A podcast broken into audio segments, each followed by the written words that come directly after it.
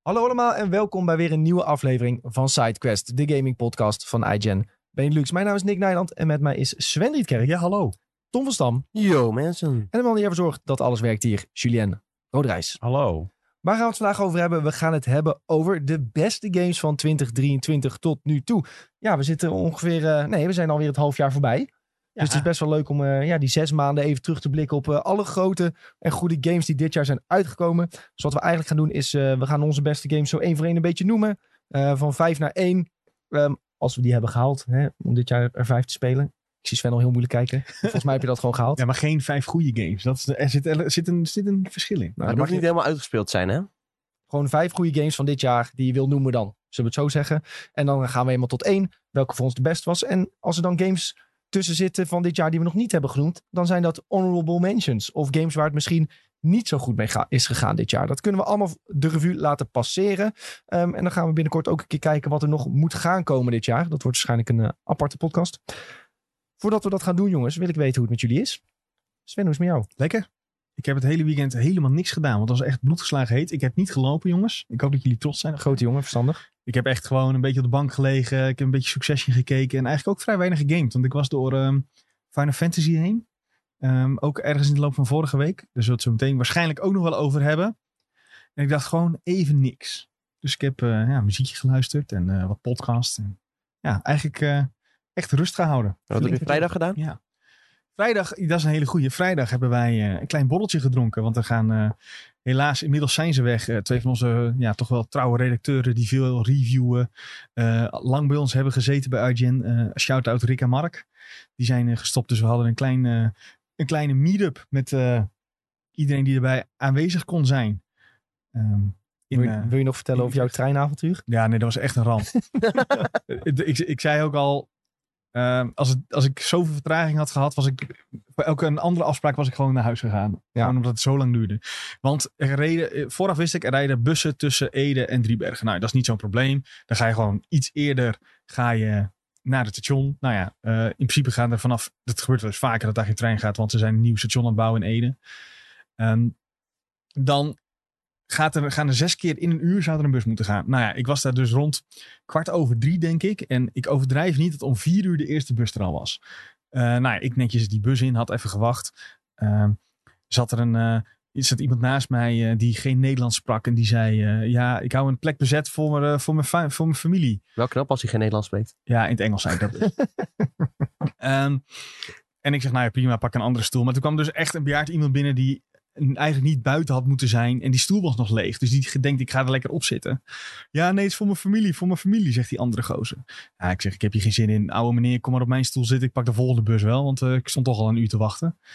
Eh, nou ja, eh, puntje bij paaltje. De familie was gewoon een volwassen vent die, nou ja, ik weet niet of het familie was of een vriend, zeg maar. Maar ik dacht echt denk van, ja, jongens. Ik, ik ben er nu nog vrij neutraal, maar ik was echt eh, in alle staten om, om iemand eh, gewoon uit de bus te gooien of zijn gezicht te, slaan. Maar ik dacht, ik ga, wel, ik ga deze bus wel uit. Dat wil ik wel zien. Niet dat best. Sven die dat doet. Nee, ja, ja, nou ja, ik heb echt heel veel geduld totdat je er overheen gaat. En dan is het gewoon echt helemaal klaar. Ehm, nou ja, volgende bus. Was er ongeluk gebeurd tussen, op de weg, dus nog meer vertraging. Goed, ik was uiteindelijk... Oh ja, om vijf uur was ik op Driebergen. Eh Driebergen. En dan denk je, nou ja, vijf uur prima. Hè, pak je het eerste treintje. Dan ben je, nou ja, kwart over vijf. Want dan zou het tussen vijf en zes inloop doen. Ben je dan wel in Utrecht. Eh, nou, die gingen dus allemaal niet. Dus de, de ene en de andere trein, er was een, een seinstoring, er was een stroomstoring. Eh, dus ik bel gewoon naar de NS van, joh, eh, kijk, je gaat waarschijnlijk nee zeggen, maar kan ik nu een taxi halen en dat jullie die declareren, de- en declareren bij jullie?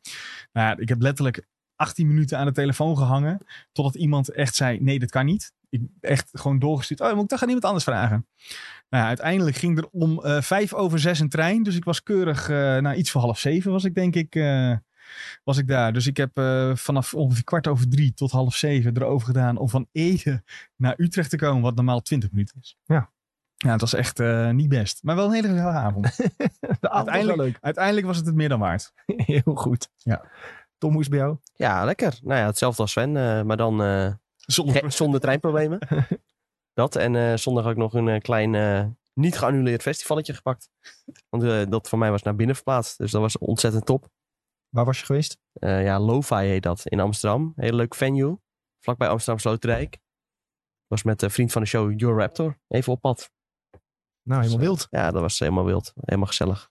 Lekker man, klinkt goed. Sjoerd, bij jou? Prima. Eh, nog steeds gezeik met de hot tub. ja.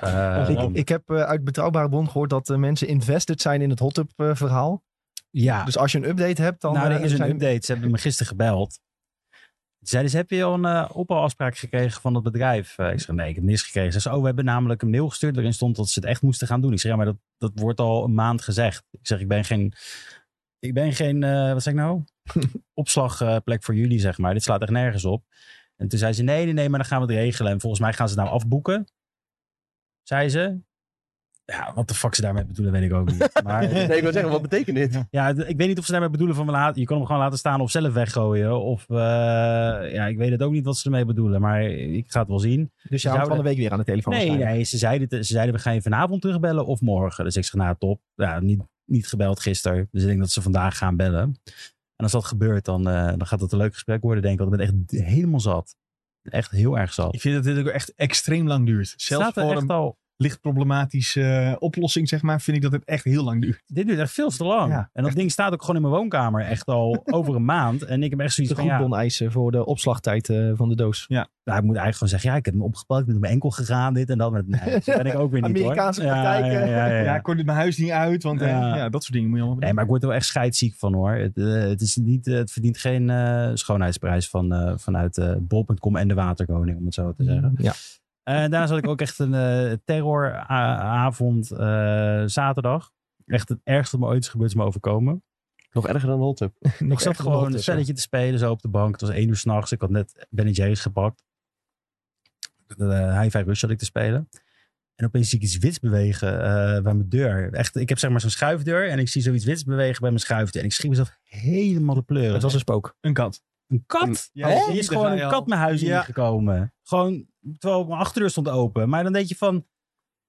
Ja, nou, ik schrok me echt de pleuris. Ik heb echt een hekel aan katten. Ik vind echt vreselijke dieren. Ze hebben echt die duivelogen die je zo aankijken, zo om het hoekje heen. Zo. zo. Nick is beledigd. Juna is offended.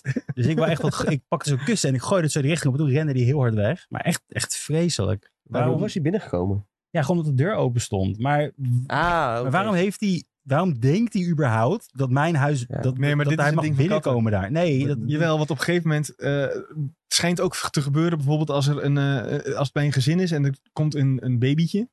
Uh, dat katten dan op zoek gaan naar een nieuw huis. Huh? Ja, dat is echt. Okay. Dus het kan zijn dat deze kat op zoek is naar een nieuw huis. Ja, en die is Ja. nu binnen geweest, uh, Julien. Dus ik uh, ja, maar ten eerste moet je meedelen. Die rookt jou lekkere koekjes. Die denkt, nou, Ten Ja, eerste ik schijten ze in mijn tuin. Ik vind het echt vreselijk. en ten tweede gaan denken ze nou ook dat ze gewoon het recht hebben om huis binnen te komen. Ik moet echt een soort Ja. van... eh we hebben bij ik mijn, hond nemen. we hebben bij mijn moeder gehad. Was een, eh, was een, zo'n hele dure kat. En die kwam eh, de hele tijd bij mijn moeder een beetje voor het huis. Zag gewoon een aantal keer lopen en een paar keer achter in de tuin. Nou, allemaal prima. Ehm, en uiteindelijk eh, kwam, kwam die opeens ook bij de achterdeur naar binnen lopen. Dus wij zoiets van, nee, dat is niet de bedoeling. Dus weer naar buiten. Nou, die kat weer naar binnen. Weer naar buiten, naar binnen. Toen had ik hem opgepakt. Da- denk, dacht ik heel slim. Dan doe ik hem bij de voordeur eruit. Ja, Dan snapt hij niet dat hij weer naar de achterdeur moet lopen om erin te komen. Nou, dat snapt hij dus wel. Dus wij aan die kat aan de voordeur eruit. En opeens ehm, horen we van de trap zo... tudu, tudu, tudu. Horen we die kat weer afkomen lopen. Stond bij mijn broertje het dakraam open. Was die aan de voorkant via de container het dak opgegaan. Het dakraam naar binnen, de trap af. En liep hij weer in de woonkamer. Zie je wel? Op zoek naar een nieuw huisje. Nou, mijn moeder zei al, dat is een dure kat. Dus eh, kom, kom maar door. Weet je wat voor kat het was? Ja, zo'n eh, een grijze Britse korte. In principe wat Oh ja. wij ook hebben. Maar zo'n eh, grijze met eh, van die... eh, volgens mij oranje of blauwe ogen. Dat is echt eh Nee, maar dat is 1000 zielig. euro of zo. Die katten zijn zielig. Dat zijn echt hele zielige Nee, dat katten. zijn de Schots, Scottish Fold Ear die Ja, jij die- bedoelt. ja, die zijn zielig. doorgefokte beesten, ja. Nee, gewoon een Britse korthuis is niet zielig. dat is Oh, gewoon een oké. ras. Maar de, met die vouwoortjes, Ja, die Ja, die ja. zijn doorgefokt, ja. Ja, dat, die zijn zielig. Echt hartproblemen en al. Ja, en nog is een echt, paar eh, van die, ook van die platte neuzen en zo. Ja, Dat is ook, joh, eh, dat is echt... eh, maar in ieder geval geen katten welkom in mijn huis. Oké. En eh, ik, eh, ik vind het echt vreselijk. Ik eh, moet echt iets gaan verzinnen hierop. Gewoon een hond nemen, denk ik. Een hor voor de deur. Een hond. Oh, een hond. Ja, dat kan ook. maar dat, een hond is ook weer zo'n investering. Ik zie in de chat wel dat mensen blij zijn dat er nu een nieuwe saga is. Een nieuwe arc in het eh, verhaal, in het leven van Julien. Na de jacuzzi arc is er nu de katten arc. De kattenark. Jij leeft eigenlijk in een anime. Ja, zo kan je het noemen, ja. Ja. Goed. ehm, ja, ik ben ook met eh, Sven en eh, Tom en alle redacteuren zijn wezen drinken en eten. Ik moet zeggen weer, we, al waren al een tijdje geen Beers en Barrels geweest in Utrecht. Ik vond de burger weer erg lekker. Ik had weer een andere Tom, maar Ja. Ja moet, toch gezegd, Genoten. moet toch gezegd worden, bier eh, vloeide ook rijkelijk. Dat is een beetje het gevaar als er een tap staat waar je constant uit kunt eh, lurken. Ja, dan sta- zit je nooit zonder bier. Ik kan zeggen, er is goed doorgelurkt. Ja? Ja, Ik had het bond niet gezien, maar ja, jij wel. wel. Ja, ja. ja. Ja, nou lekker. Ik vond de chicken wings ook heel lekker. Die waren goed, ja. Die waren eh, heel goed. gemarineerd. Ja, het lijkt wel of het beter is geworden of zo.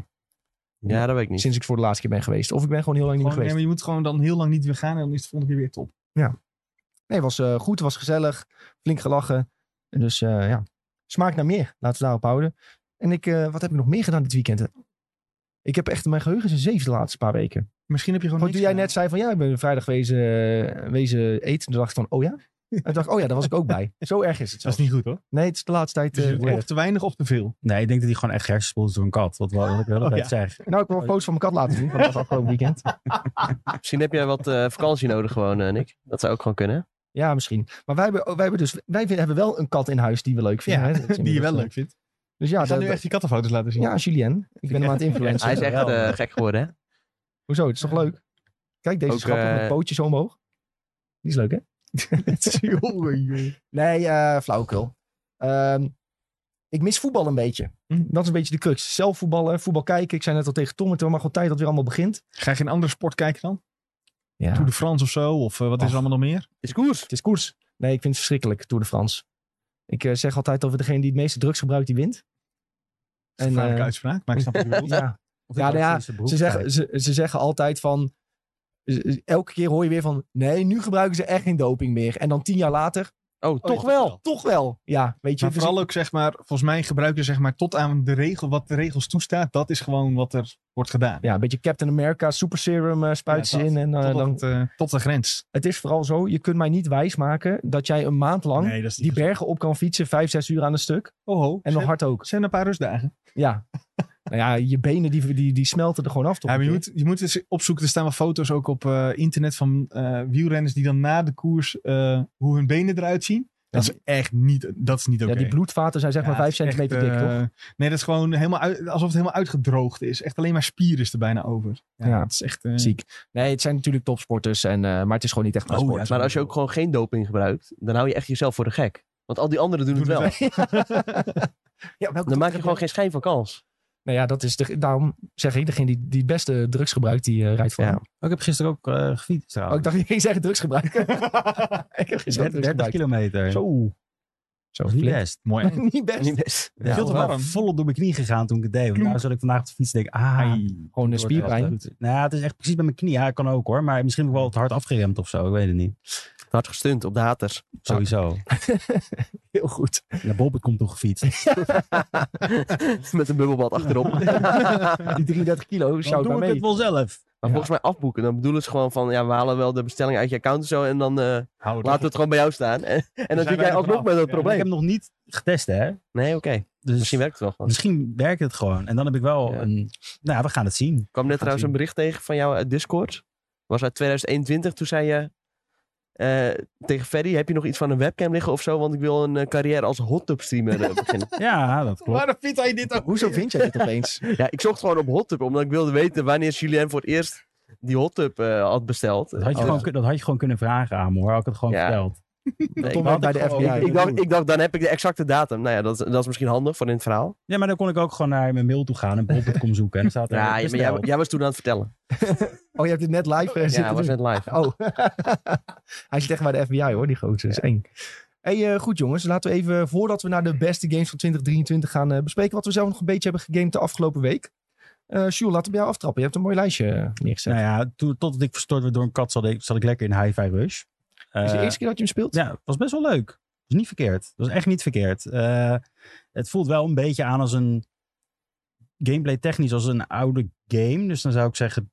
Nou, Een tenminste, dubbel A-game meer of zo. Nee, nee, nee. Ik zou zeggen een beetje het PlayStation 2 tijdperk. De games die niet heel veel eh, hebben, maar gewoon waar je elke keer een encounter hebt, encounter hebt, encounter hebt. Weet je wel, zoiets. Een Devil May Cry, een, een, eh, oude God of War. Zo voelt het wel een beetje aan, maar dat is ook niet verkeerd. En de artstyle is daarnaast wel weer heel mooi. Dus Ja. het is gewoon lachen. Het is leuk. En het element van het op de beat doen is ook best wel tof. Maar ja, dan zit ik met mijn headphone op en heb dus helemaal niks door. En dan zie je zo'n wit, witte schim zo. of- Nou ja, ik schop mezelf Demon. in de deur. Ja, Witte ehm, demon. Witte demon, ja. Eh, de- eh, maar dat was best leuk. Maar dat heb ik dus gedaan omdat ik net klaar was met Fallout New Vegas Dead Money. Eh, nee, trouwens, die heb ik uitgespeeld, Dead Money. Zo, Maar ik heb er nog één uitgespeeld. Ehm, ik weet alleen de naam niet meer. Van eh, New Vegas DLC. Van New Vegas DLC, dat is die, eh, Honest Hearts. Honest Hearts, die heb ik ook uitgespeeld. Eh Dead Money was echt vreselijk trouwens. Dead Heart was wel iets leuker. Eh, het was alsof je een beetje in die Grand Canyon zeg maar liep. En dan moest je zo'n tribes moest je helpen. Eh Eén iemand die was weer een soort van, dat was, dat was dan waar het over gaat. Die is zeg maar door Caesar's Legion in de fik gestoken en van een berg afgegooid. En die leeft nou nog, wordt bekend als de Burning Man. En dan moet je met hem een beetje helpen om andere tribes eruit te, te drijven. Ehm, best wel vaag eigenlijk, al denk je erover na. Eh, maar in ieder geval, ik ben nou dus begonnen met Old World Blues. En die is echt super vet. Ik denk dat het de leukste van de DLC is die ik tot nu toe heb. Het is gewoon heel erg komisch. Het is echt, eh, je, wordt je wordt opeens wakker eh, in een soort van... Je ziet eerst een soort van allemaal sci-fi dingen eh, gebeuren. Je wordt wakker en opeens is je hart weg. Je brein is weg en je spijn is weg. En die zijn verplaatst. En daar heb je dus e- plus één strength en plus andere dingen. En het is best wel tof. Het is best wel komisch gedaan. Je moet zeg maar robots helpen. eh. en heel veel stemacteurs volgens mij die in... ehm, de Venture Bros stemmen hebben ingesproken zitten ook in eh de Old Blues. Heel veel stemmen kwamen me bekend voor. Dus dat vond ik best wel grappig. Eh, maar het is inderdaad echt dat je... ja, je moet al je lichaamsdelen kan je dus vervangen met robotdingen. Eh, bijvoorbeeld ook ineens een halo heb ik om mijn hoofd heen nu. En dan krijg ik plus één held om de één seconde. Best wel leuke dingen allemaal die erin zitten. En ik ben ook echt benieuwd waar het naartoe gaat. Het is een beetje... beetje comedy, eh sci-fi-achtig en eh, Space Age eh, erin verwerkt. Ik vind dat best wel tof. Dat is wel En, bij New Vegas. Met die DLC experimenteren ze wel enorm met het Fallout-merk. Klopt, ik vind dit tot nu toe heel leuk. En dan heb ik hierna nog de laatste en die schijnt het beste te zijn. En dat is dan dat je tegen de andere... Ik weet, heb je al de DLC gespeeld? nee, nee, van New Vegas heb ik geen één DLC gespeeld. Nou, er is dus nog een courier waar ze al heel de game lang over hebben. Want je bent de courier en je hebt het pakketje aangenomen. Maar er is iemand die heeft het pakketje niet aangenomen. Waar jij het hebt waardoor je je kop bent geschoten. Dus dat is het hele verhaal van New Vegas. Zo begint het. Ja, dan moet je dus opnemen tegen die andere gast. En die zit dan ergens in een soort van eh, afgelegen ding. En dat schijnt best nog wel heel veel lore in te zitten. Dus daar ben ik ook heel benieuwd naar. Dus eh, ja, de- tot nu toe moet ik zeggen, de New Vegas DLC is echt leuk. En ja, ik heb ooit een keer Game of the Year, of weet ik het wel, met alle DLC gekocht. En dat was prima te doen. Deze game staat gewoon op eh, Game Pass. Dus je kan daarnaast alle DLC er ook los omheen kopen. En dat is ook maar 5 euro per stuk. Ja. Dus het is echt prima. En in de Steam sale, die nog steeds gaande is, ook asociaal goedkoop. Volgens mij voor minder dan een tientje heb je New Vegas met alle DLC. Ja joh, dat is echt tof. Het is echt een hele leuke, eh, leuke game om weer door te lopen. Alleen vrees ik nu weer ergens, als dit allemaal uitgespeeld, is straks weer aangekondigd dat we een Remaster krijgen. Ja, dat ik net alles uitgespeeld heb en dat we dan zoiets krijgen. Zo is altijd mijn geluk met dit soort shit. Dus dat is, als ik de luisteraar zou ik nog zeggen, wacht misschien nog maar even ja, precies. jaar. Tenzij het echt wel doen nu. Ik eh, probeer even te kijken hoe goedkoop die nu was op Steam. Volgens mij zag ik 2,50 euro staan voor die game. Dat is de base game. Voor de base game. 2,50 euro. Nou, de kun je nog een blikje Red Bull van kopen. Oh, de Ultimate 6,59 euro. En dan krijg je wel alle DLC erbij. Ja, of je neemt een maandje Game Pass. Ja, dat kan ook. Maar ik weet niet, Ultimate zit daar weer niet, volgens mij. Oh, dit is Op. goedkoper dan Game Pass. Ja, oké. Maar Game Pass krijg je natuurlijk nog Ja, een heleboel Is meer. ook zo. Ja, maar dan vind ik het toch wel fijn om hem op een Steam-lijstje te hebben staan. Denk Dat ik is dan. waar. Ja. Volgens mij heb je bij Game Pass niet alle DLC erbij. Oh, je kunt zelfs de hele Fallout franchise kopen voor 40 euro. Dat zou ik doen. En Maar ik, is dat niet de persoonlijke prijs omdat je de helft al hebt? oh, misschien wel, ja. Ja, maar plus, als we heel... Nee, want Fallout 3 zit er niet binnen. Nee, dat komt omdat ik die al heb. Oh nee, laat maar. Dat is een persoonlijke prijs inderdaad. Ja. Ja, het is wel zo dat ik moet zeggen, de DLC van Fallout 4 is echt heel erg teleurstellend. ja, die heb ik ook nog nooit gespeeld. Omdat ik gewoon inderdaad al hoorde van... Ja, die kun je wel... eh, de meeste kun je sowieso wel skippen. Nou, het is zo dat eh, eigenlijk hebben ze een season pass uitgebracht waarvan voor mij de helft was, dat was zeg maar dat je meer in je camp kon bouwen. Oh ja, En er zaten er maar twee echt verhalende dingen in. En dat was echt een soort van teleurstelling. Want je betaalde er echt superveel voor toen, voor die season pass. Dus het was echt alsof Todd Howard had gezegd van... eh, ja, nee, we gaan er gewoon eh paid dingen van maken. Van die dingen die eigenlijk gratis moeten doen. Quality of life dingen die ze moesten toevoegen. Ah ja. Ik eh speak even naar de Twitch-chat tussendoor. Eh Super Sessie zegt nog... Kun je in dat geval even Bloodborne gaan spelen, Julien? Dan hebben we de, de week daarna misschien een remaster. Nou, ik heb goed nieuws. Dat heb ik al een keer gespeeld. En eh, toen, toen, heb- toen is er geen remaster gekomen. dus, eh, Balen. Jammer. Balen. maar je moet hem kopen, hè? Niet via de PlayStation Plus collectie. Ik heb hem gekocht. Oh, ik dacht dat je collectie nee, had nee, nee, ik heb een PlayStation 4 gekocht volgens mij een keertje. Oh ja. Nou, jongens, jammer. Zelfs Julien zijn krachten werken niet bij Bloodborne. Nou, dan is het erg met Bloodborne nog. Ja, dat gaat niet best. Ik, hoor- ik zie ook nog de vraag voorbij komen of je Infamous graag wil gaan spelen. Heb ik ook al gespeeld en dat vind ik echt een klote game. Dus dat ga ik ook niet meer doen, Nou. sorry. Dat voelt echt een beetje aan als een superhelden Assassin's Creed of zo. Ja, ik vind er heel slecht Ik op. vond het ook niet leuk. Nee, Nee. niks voor mij.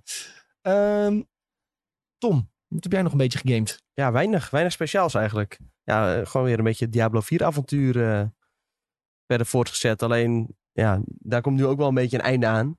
Tot seizoen 1. Ja, ik eh, heb nu wel een beetje links laten liggen. Ja. Tenminste, dat zei ik ook. Ik ben gisteren weer ingelogd. Om gewoon Oh. een paar keer door een nightmare Dus heen. toch? Ja, het was... ehm, ik, ik zet de computer aan. Ik dacht, ja, ik wil even iets gamen. Ja, toch maar even een paar nightmare dungeons. Ja, doen. het is wel gewoon comfy. Als je dan ziet dat de andere boys weer online zijn, dan duik je gewoon weer even Discord in. En dan is het prima om even die, ja, die satisfaction te krijgen van een paar loot drops. En dan ben je ook wel weer blij. Dopamine Eh, weer gehad. Ja, dopamine weer gehad. Inderdaad, een beetje die, eh, die insteek. Dat is op zich wel prima, weet je. En eh, ja, wij hebben allebei al alle benodigdheden voor seizoen 1 hebben we al klaarstaan. Dus vanaf eh, de 20ste, of nou ja, 18e eerst even inloggen. En dan vanaf de 20ste kunnen we weer helemaal los. En dan, eh, ja, misschien ga ik dan wel een nieuwe klas beginnen of zo. Ik zit eraan te denken om Rogue te gaan spelen. Voor het eerste seizoen, omdat nou, die heeft nogal veel bewegelijkheid. En dat vond ik op zich wel chill aan Sorcerer.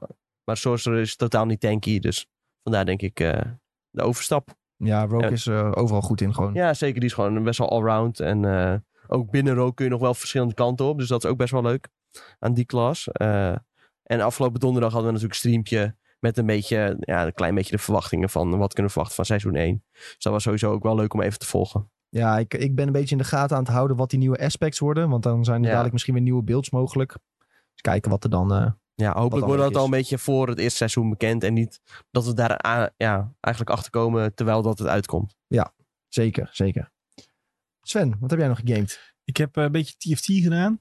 Maar ik merk dat ik dat af en toe even een potje doe. En dan eh, gewoon doe waar ik zin in heb. En meestal is dat nu eh, zo snel mogelijk level 9 worden. En allemaal alleen maar 5 kost eh, champion spelen. En dat is leuk. En dan verlies je een keer en dan win je een keer. En dan denk je, ja, het maakt ook allemaal niet uit. Eh, dat is denk ik wel hoe je tegenwoordig naar TFT moet kijken. En verder heb ik Final Fantasy 16 uitgespeeld. Hey, Oeh, ja, weer een stickertje. ongeveer, eh, ik denk toch wel 40 uur. Zeker wel. Hmm. En dat, daarbij ook nog dat ik de laatste ehm, paar hoofdmissies toch wel de sidequest eigenlijk links heb laten liggen. Gewoon omdat ik dacht van ja, nu eh, geloof ik het wel met je, met je potgrond die ik uit een speciaal gebiedje moet halen. Waar ik voor, waarvoor ik drie vijanden moet verslaan. Eh, dus dat. Ja, eigenlijk best wel een coole game. Misschien wel meer dan cool. Eh, vooral het einde zat nog, zitten nog wel wat eh, toffe twists in. Die ik niet nu zal vertellen, omdat dat wel flink spoilergebied is. Maar wel bij, bijna on-Final Fantasy goed einde.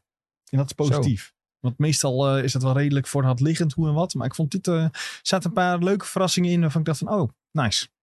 Ja, ik moet zeggen dat ik heel veel positieve reacties zag over Final Fantasy 16. Ja, het is wel, eh, je moet wel van dat soort game houden. En dat is, het is een beetje, het is, nou, ja, het is, Voor de fans. Nee, het is dus niet voor de fans. Oh. Want die verwachten eh, waarschijnlijk een ander soort game.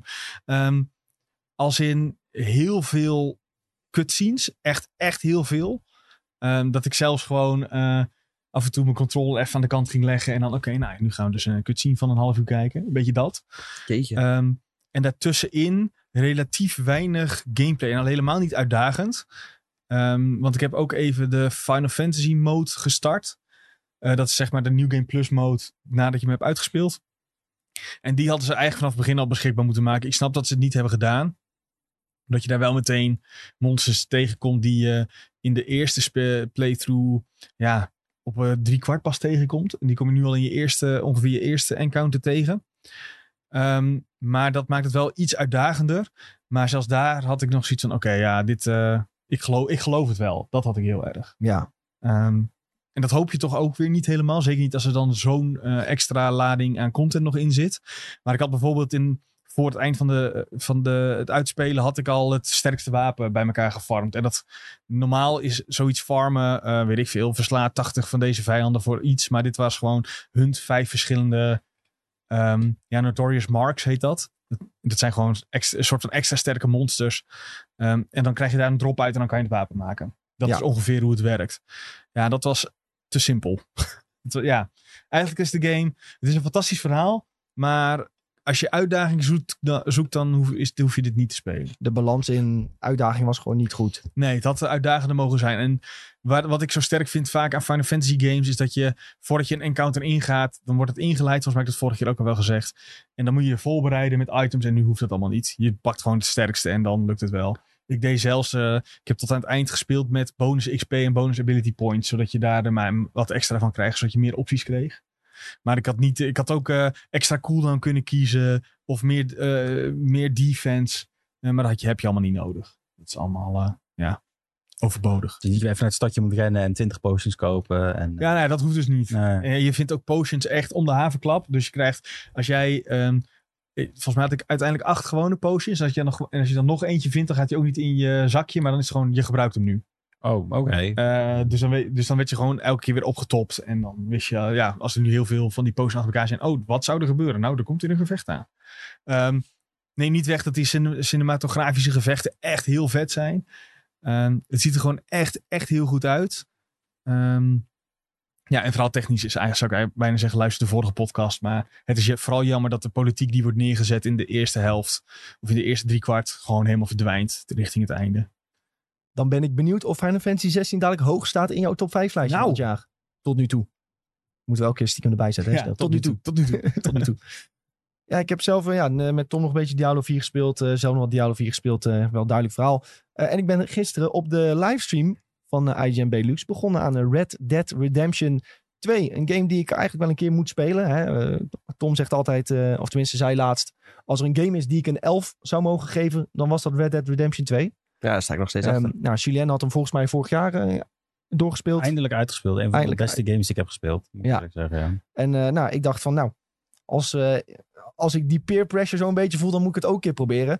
Ehm, en ik dacht, als ik het zelf thuis op het bankje ga doen, dan ga ik er niet doorheen komen. Dus ik heb als stok achter de deur de livestream. En ik ga nu elke maandag en woensdag Red Dead spelen. En ik heb gisteren, wat is het, iets langer dan twee uur gespeeld. Tweeënhalf. Oh, dat is een mooi beginnetje hoor. Ja, een mooi begintje. Ik ben nog niet door de proloog heen. ik heb net eh, een trein eh, gekaapt.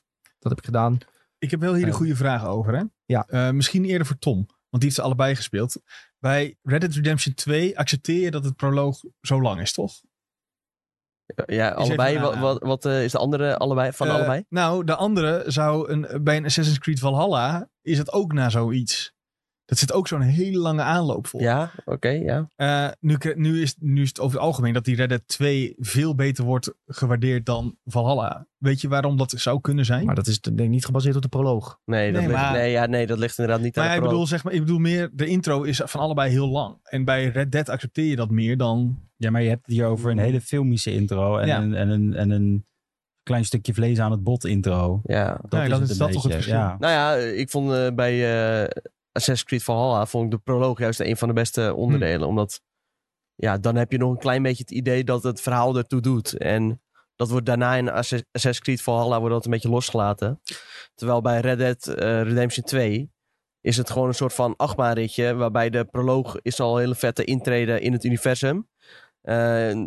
Daarna gaat het wat langzamer, maar da- daarna gaat die achtbaanrit gaat weer gewoon langzaam aan eh, steeds sneller omhoog. En dan uiteindelijk over de hele breedte heb je gewoon echt een onwijs goed verhaal. Eh, en dat is met Assassin's Creed Valhalla begint het best wel oké. en daarna kakt het heel snel in. Hm. Ja, maar ik heb wel ook een gevoel dat in Valhalla dat meer fetch quests zijn. Omdat je in Red Dead wel echt alles uitgelegd krijgt. Van hunting tot en met...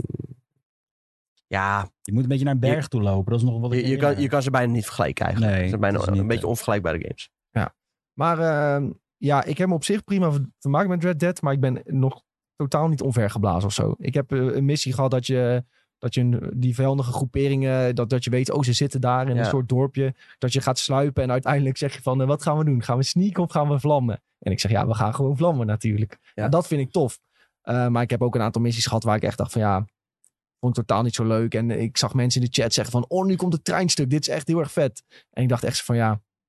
Ja, maar dat is misschien ook een beetje omdat je gewoon niet helemaal in de game zit. Maar ook, ja, als je een game speelt, dan ben je ook aan het streamen. En dat zijn toch wel weer allebei losse dingen waar je dan op aan het letten bent. En jij bent ook met de chat bezig. En Red Dead Redemption 2 is denk ik dan in die zin misschien niet heel geschikt om te streamen. Nee. Dan eh, wil je eigenlijk liever gewoon helemaal in die we- wereld zitten. Je wil bij wijze van spreken wil je een cowboyhoed opzitten en eh, Ja. met je lasso aan je broek wil je die game spelen en een koptelefoon op. Dat je gewoon echt eh, met licht uit volledig in die game gefocust zit. En ja, dan kun je een beetje die dialoog volgen en dan voel je echt een cowboy. En als je aan het streamen bent, dan ja, zit je toch eerder met eh, koptelefoon met kattenhoortjes op, eh, bij wijze van spreken. Nee, Maar dat is wel inderdaad een nadeel. Maar ik moet ook eerlijk zeggen, ik kwam er ook niet echt lekker in. Na de intro moest ik ook even een stukje pauze hebben. En daarna kwam ik er pas weer goed in, zeg maar. Ja. de intro was wel goed, maar het werd gewoon, er werd heel veel informatie aan je gelijk gegeven. Ja. je leert tijd. heel veel mensen in korte tijd kennen. Ja. En ik, heb, ik heb het eerste deel niet gespeeld, dus eh, ik heb niet echt een basis ook over de wereld. Nee, eh. dat maakt op zich niet heel erg uit. Nee, ik denk eerder dat je het eerste deel wil gaan spelen als je met twee klaar bent. Dat had ik heel erg. Ja, als het remaster is, uiteraard. Dat, dat is het meer, want het staat gewoon heel erg los van elkaar. Dus de. Ja. ja. dat Ja. is- Het heeft wel wat referenties. Dus uiteindelijk, al heb je het eerste deel gespeeld, dan denk je wel van, oh, ik herken dit en dit. En dan is dat wel grappig. Maar als je dat niet hebt gedaan, dan mis je dat totaal niet. En, Ja, ik heb geen basishype of zo, zeg Nee. maar. En, nee, precies, dat snap ik wel, ja. en ik, had, ik heb niet heel veel met cowboys of zo. Cowboyfilms of zo vind ik ook niet eh, per se cool. Ja, dat vind ik wel weer heel cool. Dus Ja, We- Westworld vond ik dan wel weer vet, maar dat was ook niet echt... eh, ja, Dat is meer sci-fi, toch? ja, maar dat had, Ja. had ook Ja, een cowboywereld. Ja, ik vond het vetste van Westworld was toen ze in de cowboywereld waren. ja, Ja. zeker. En toen, toen ze daar afscheid van namen, ja, toen werd het voor mij meteen een stuk minder interessant. Nou, in ieder geval, ik ga doorspelen. Ik zal iedereen wel eh, blijven updaten met eh, mijn eh, Red Dead Redemption 2 avonturen. En inderdaad, het is een beetje een voorbereiding op eh, de remake eh, waar we op aan het wachten zijn. eh, Het is die- gewoon nog eh, even doorbijten. Even Het- doorbijten. Het, goede stuk komt, eh, Ja, komt er echt maar dat, aan. dat geloof ik ook echt wel. Nou, dus Ja. ik, ik speel gewoon lekker door en het komt maar goed. hey, eh, jongens. De beste games van 2023 tot nu toe. Wat we gaan doen is, eh, we pakken gewoon van, ehm, laten we zeggen, 5 naar 1. Julien zei al, ik heb geen vijf games gespeeld uit dit jaar. Julien is vooral oude games aan het spelen. Je hoorde net al een New Vegas bijvoorbeeld. Ehm, maar we gaan proberen van 5 naar 1, een soort top 5 lijstje per persoon te maken. En dan gaan we daar nog bespreken de games die we misschien hebben gemist. eh, games die wat minder goed waren. Want die mogen we natuurlijk ook niet vergeten. Maar de focus is vooral wat is het beste. En misschien hoor je wel een game dat je denkt van... hey, die moeten we nog gaan checken dit jaar. Ehm, laten we gewoon beginnen dat iedereen zijn nummer 5 noemt. Of als je niet aan 5 komt, eh, de laagste genoteerde. Tom, werken we vanaf jou zo de tafel af. Welke game zou jij op 5 hebben gezet? Star Wars Jedi Survivor. Heb je die op 5 staan? Ja, die heb ik op vijf staan, ja. Oké. Nou, dan ben ik nu al benieuwd naar de rest van jouw lijst. Hoezo? Nou, gewoon, bij mij staat hij wat hoger. Ja, oké, maar ja, ik heb ook al wel een heleboel goede games gespeeld dit jaar. Ik ook. Ja, nou ja, oké, dat kan. Maar ik, heb, ik, ik moet wel erbij zeggen, ik heb hem nog niet helemaal uitgespeeld. Aha, En jij hebt hem wel uitgespeeld. ja. En vaak zit het eh venijn bij dat soort games toch wel in de staart. Eh, zo had je bijvoorbeeld ook vorig jaar eh, God of War Ragnarok. die vooral ook richting het einde natuurlijk heel erg goed wordt. Ja. En volgens mij is dat met Star Wars ook wel al het geval. Hoe ver ben ik gekomen? Ongeveer op twee derde, denk ik. Die, eh, jij stuurde een filmpje dat je tegen die baas vecht. Waar, dat stuk dat je eh, met zo'n laser moest schieten om die kristalletjes kapot te maken. En dan kwam je uiteindelijk bij zo'n baas uit. Ja. Daar stuur jij een filmpje van. Ben je daarna nog veel verder gaan spelen? Oeh jeetje, ja, het is echt alweer... eh sinds. Diablo dat ik de game niet meer heb opgestart, zeg maar. Dus dat is al wel weer even terug. Ja, oké. Je moet nog wel echt een flink stuk. Ik moet nog wel een stukje, ja, zeker. Ja. Oké. Ja, het is wel echt een eh, fantastische game. Ik heb hem eh, ja, ook in mijn eh, top 5 gezet. Kan Oh. ik alvast verklappen. Ja, ja ik ben een enorme Star Wars sled, zoals Ja. inmiddels bekend is. En ja, ik vond het echt een enorme verbetering op het eerste deel. En ik vond het eerste deel al fantastisch. Ja. ja, die heb ik dus niet gespeeld. Die heb ik helemaal overgeslagen. Dat is ook opvallend. Ja, ik wilde die wel spelen, maar toen kwam deze al bijna uit. Toen dacht ik, nou ja, ik, ik speel deze wel gewoon. En toen eh, heel mooi aan het begin van de game kreeg ik een filmpje van... Dit is er hiervoor gebeurd. Ja, Daar was ik heel blij mee. ja, ik denk ook niet dat je nog terug moet gaan. Nee. Als je deel 2 hebt gespeeld. Nee, zeker als ik ja, de bepaalde kritiekpunten hoor op eh één. Ja, die zijn hierin wel weer allemaal verbeterd. Dus als je dan Ja. teruggaat, ga je waarschijnlijk ga je echt dood irriteren. Eh, maar ik vind het echt een hele vette game. En het is gewoon heel tof dat je je echt een Jedi voelt. En dat, eh, De ja, IGN-meme. Ja, nou ja, die, die meme doen we wel met je werkelijkheid met deze game. Ja, ja, bij Star Wars games hoop je gewoon dat je Ja. die hele Jedi-ervaring krijgt. En in, in deel 2 is Cal Kestis gewoon zoveel sterker in het eerste deel. Hij kan al zoveel. Je, je hebt al die verschillende stances waaruit je Ja. kunt kiezen. Dus je hebt, ondanks dat je als Cal Kestis speelt, heb je toch wel het idee dat je een beetje een eigen Jedi kan maken qua vechtstijlen. Ja, ze zeggen wel van eh, ja, hoe je het zelf wil doen, eh, kies maar lekker zelf uit. Of je nou eh, Twin Blade wil, eh, twee lightsabers, een lightsaber en een blaster. Dat, het kan echt gewoon allemaal. Eh, het ziet er ook nog eens gruwelijk uit. De framerate is soms niet ideaal, maar ja, daar kun je best wel een beetje doorheen kijken bij deze game. Want het is wel gewoon ontzettend vet. Hele vette bosfights ook. Heel vet hoe je langs die planeet gaat. En natuurlijk Ko- Koba Cabo. Zo, ik heb het ook al lang niet meer Ja, gespeeld. Koba volgens mij. Koba, zoiets. Die, die Kobo. Kobo, de grootste open wereldplaneet. Die zit echt, echt briljant in elkaar. Dat elke keer als je weer iets nieuws vrij speelt, dan kun je weer nieuwe puzzeltjes oplossen. Ja. En dan kom je weer in een nieuw gebied terecht. En Ja, het is gewoon een soort van Metroidvania ook. En Ja. dat is wel echt een genre wat ik ook wel heel erg vet vind. Ehm honorable mention Metroid Prime HD. Eigenlijk natuurlijk een wat oudere game, maar ook wel een van de betere games die ik dit jaar heb gespeeld. Net niet in mijn lijstje gekomen, oh ja, maar dat wil ik nog wel even benoemen. ja nou, dat mag. Het is ook, er is ruimte voor honorable mentions.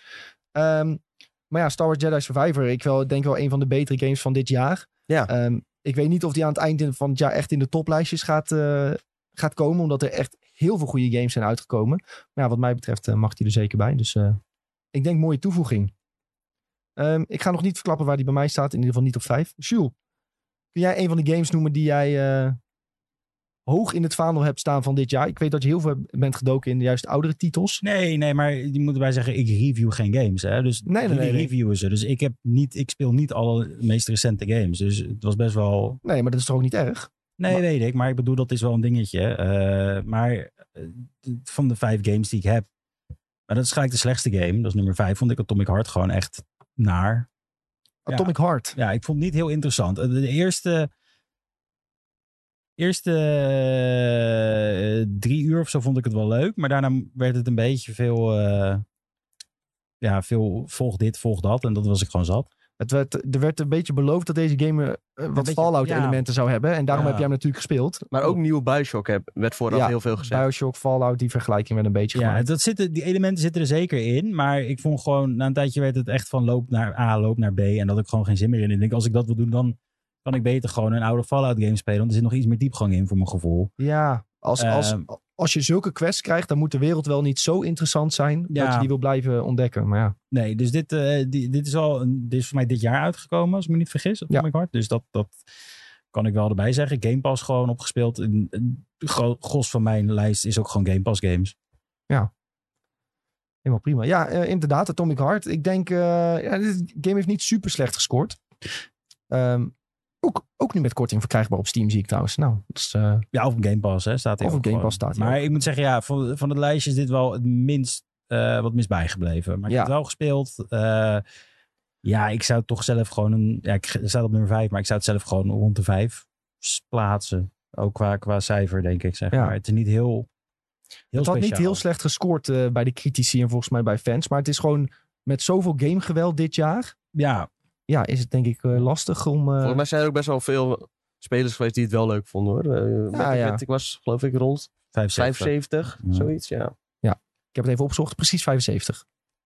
Mooi. Ja, en de user score een 7.5. Dus eh, de critici en de users waren het een keer eens met elkaar. Dat Metacritic. gebeurt niet vaak, hoor. Nee, dat gebeurt niet vaak.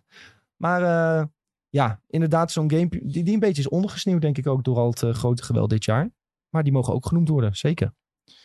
Ja, dan zal ik nu mijn nummer 5. Ik had op 5 gezet Sons of the Forest. Game die eigenlijk niet officieel uit is. Hè. Is nog steeds in early access, krijgt nog steeds updates. Eh, maar ja, ik heb deze samen met eh, Tom en mijn broertje gespeeld. Ehm, ik werd vooral nieuwsgierig gemaakt eh, door de verschillende trailers die we zagen. Door, nou, door, het eerste deel dat heel erg goed werd ontvangen. En ik dacht, ik ga het gewoon eens proberen. En eigenlijk ja, met z'n drieën die wereld ingedoken. En ik was zeer, zeer, zeer positief verrast. Die wereld is ontzettend interessant. Spooky, horror elementen. Eh, maar ja, zodra je zeg maar van de Piemel wilde... Monsters, Piemelmonsters heb je ook, ja. Dat was het beste natuurlijk.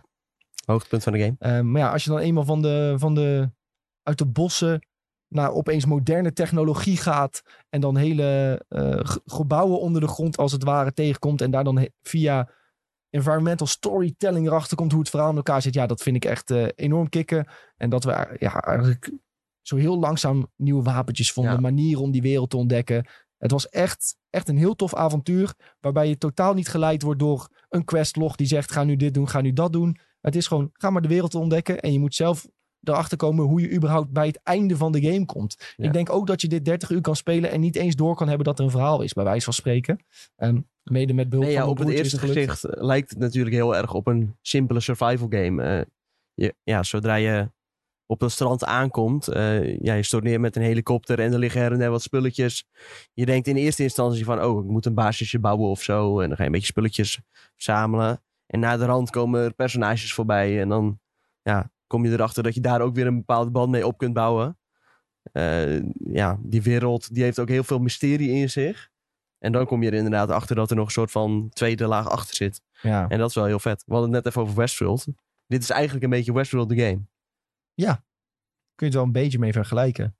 Ja. Dat eiland, daar eh, is iets fout gegaan met eh, ja, magische krachten, experimenten, van alles, waardoor er nu monsters zijn. Ja, daaronder zit gewoon een laag van hele, hele rijke mensen in de wereld, die zelfs hebben ge- geboden om dat eiland te kopen. Ja, van alles fout gaan en via krantenknipsels en zo leer je dat dan een beetje. Ja, nee, echt enorm coole game. Als je hem nog niet hebt gespeeld, eh enorme aanrader, Sons of the Forest. En krijgt nog steeds updates, omdat hij officieel nog niet uit is, officieel nog in early access. Ehm, dus eigenlijk zouden wij hem ook nog een keer moeten spelen om te kijken wat er allemaal nieuw is. Ja, ik weet niet of dat nu al zin heeft. Of dat we dat misschien over, eh, weet ik veel, over een jaar moeten proberen of zo. Ja. Er schijnen weer nieuwe grotten te zijn, nieuwe items. Dus Hmm. ja, over zich eh, misschien wel de moeite waard. Ja. Ja. want het ding is dus ook, na verloop van tijd, dan gaan ze ook weer bepaalde verhalende elementen gaan ze ook weer toevoegen. Dus dan kan het ook zijn eh, dat er bepaalde grotten zijn waar nu nog ja, niet zoveel te doen is misschien. En dat, dat je dan op dat moment misschien wel nieuwe cutscenes gaat krijgen. Zeker. Sven, welke game heb jij Ja. op vijf gezet? Nou, eh, dat was nog even zoeken. Want ik heb eh, gelukkig meer dan vijf uitgespeeld dit jaar. Ehm, en dan zeggen jullie, ja, ik zet er ook games op die ik niet heb uitgespeeld. Maar eh, waarschijnlijk hebben jullie allemaal Zelda erop staan. Tears of the Kingdom. Maar daar heb ik echt pas vier uurtjes in zitten of zo. Dus die wil ik eigenlijk nog niet noemen. Omdat ik weet dat ik, ik kan snel ja, uitburnen. Hoe zeg je dat? Uit, uitgekeken raken op games. Dus ik weet ook niet of dat bij deze Zelda zo gaat zijn. Ehm, dus ik wilde gewoon een honorable mention in eh, gooien. En ik heb, eh, dat is Elden Ring. Omdat ik die dit jaar eh, eigenlijk pas heb gedaan. Ik, we gingen even terugkijken naar de achievements op Steam. En dat be- begon in januari bij mij. En de paar, laatste paar had ik in maart. Dus ik denk dat dat toch het eerste kwartaal mij behoorlijk heeft bezig gehouden. En dan vind ik dat ik dat wel mag noemen. Ik vind het wel grappig dat... eh, nou oké, ik vind Ja, het heel ja. eerlijk dat je zegt... Tears of the Kingdom durf ik er nog niet, niet in te zetten... want dan moet ik eerst meer spelen. Ja, dat is echt te weinig. Ehm, maar dat jij maandenlang Ja. aan een stuk tegen Tom en mij hebt gezegd... Ja. Oh, weet ze toch weer op de een of andere manier Elden Ring erin te fietsen? Dat jij nu het- zelf Ja, in een lijstje voor 2023 stiekem Elden Ring erin ja fietst. stiekem eh, fiets ik hem erin. Ja, Ja. gewoon toch... eh, ja. ja, ik weet ook niet zo goed wat ik daarover moet zeggen. Ja, hoeft ook niet. Onverwachts eh, goed mee vermaakt. Dat Ja. is denk ik eh, een beetje de conclusie. Nou, ik vind, vind het mooi dat je hem zo erin fietst. Eh, zeker een game die, eh, ook al is hij niet de eerste helft van dit jaar uitgekomen, wel gespeeld moet hebben. Want in de Ja. tweede helft van dit jaar gaat waarschijnlijk gewoon die DLC nog komen. Nou, daar ben ik ready voor, denk ik. Sven is ready. Helemaal goed. Tom, jouw nummer vier. Ja, dat was de Sons of the Forest. Oh, dat was Dus Sons dan of the Forest. kunnen we meteen door. Oké. Nou, wat, dat had ik misschien niet per se verwacht dat je hem in de top Nee? 5 had gezet. Hm. Nee. En wanneer? Ja, nee, ik heb daar echt onwijs eh, van genoten. Ja. Ik heb hem ook hier in mijn lijstje. eh, ik heb ook soms nog even games een cijfer in mijn sheet. Eh, en ik heb hem een 9 gegeven. Zo. Dus, eh, Dat vind ik gewoon echt even- heel hoog, hoor. even uit de losse pols. Ja, nee, ja, echt. Oprecht eh, verhalend wel eh, een van de bijzonderste games eh, die ik de afgelopen jaren gespeeld heb. Zeker na het einde, toen dacht ik echt... Wow, echt eh, mind is blown, zeg maar. Ja, ik, vet ik vond wil het. meer. ja. Ik wil gewoon meer weten. Maar Ja, die game is zo ja. van, bedenk zelf maar waar, wat het precies is. ja, dat. Maar eh, nou ja, je hebt wel het idee van in de toekomst gaan ze hier nog een beetje op voortbouwen. Zijn jullie dan niet bang dat ze het einde nog kunnen eh, verkloten als eh, uiteindelijk versie 1.0 er is? Nee, eigenlijk niet. Ik ben gewoon benieuwd wat er nog meer is. Ja. Ja. Jules, heb jij nog een toevoeging rond de vierde plek? Eh, de Mega Man Battle Network Legacy Collection. Wel Want aardig. dan kun je... Nee, gewoon alles. Het staat gewoon eh, al geel. Heel leuk om weer terug te keren naar een game die ik vroeger heel vaak heb gespeeld. Ehm, het voelt weer heel erg nostalgisch aan. Eh, wel goede upgrades eraan toegevoegd, zodat je gewoon, dus de quality of life dingen, dat je gewoon je buster automatisch oplaadt, dat soort dingen. Eh, of dat je je, kan eh, random dingen skippen, toch? En zo? ja, nee, ja, het is, gevechten zijn makkelijker hiermee ook. Als je zeg maar, want je kan aanzetten dat je gewoon in één keer iemand kapot Ja. schiet van Oh, de ja. mobs.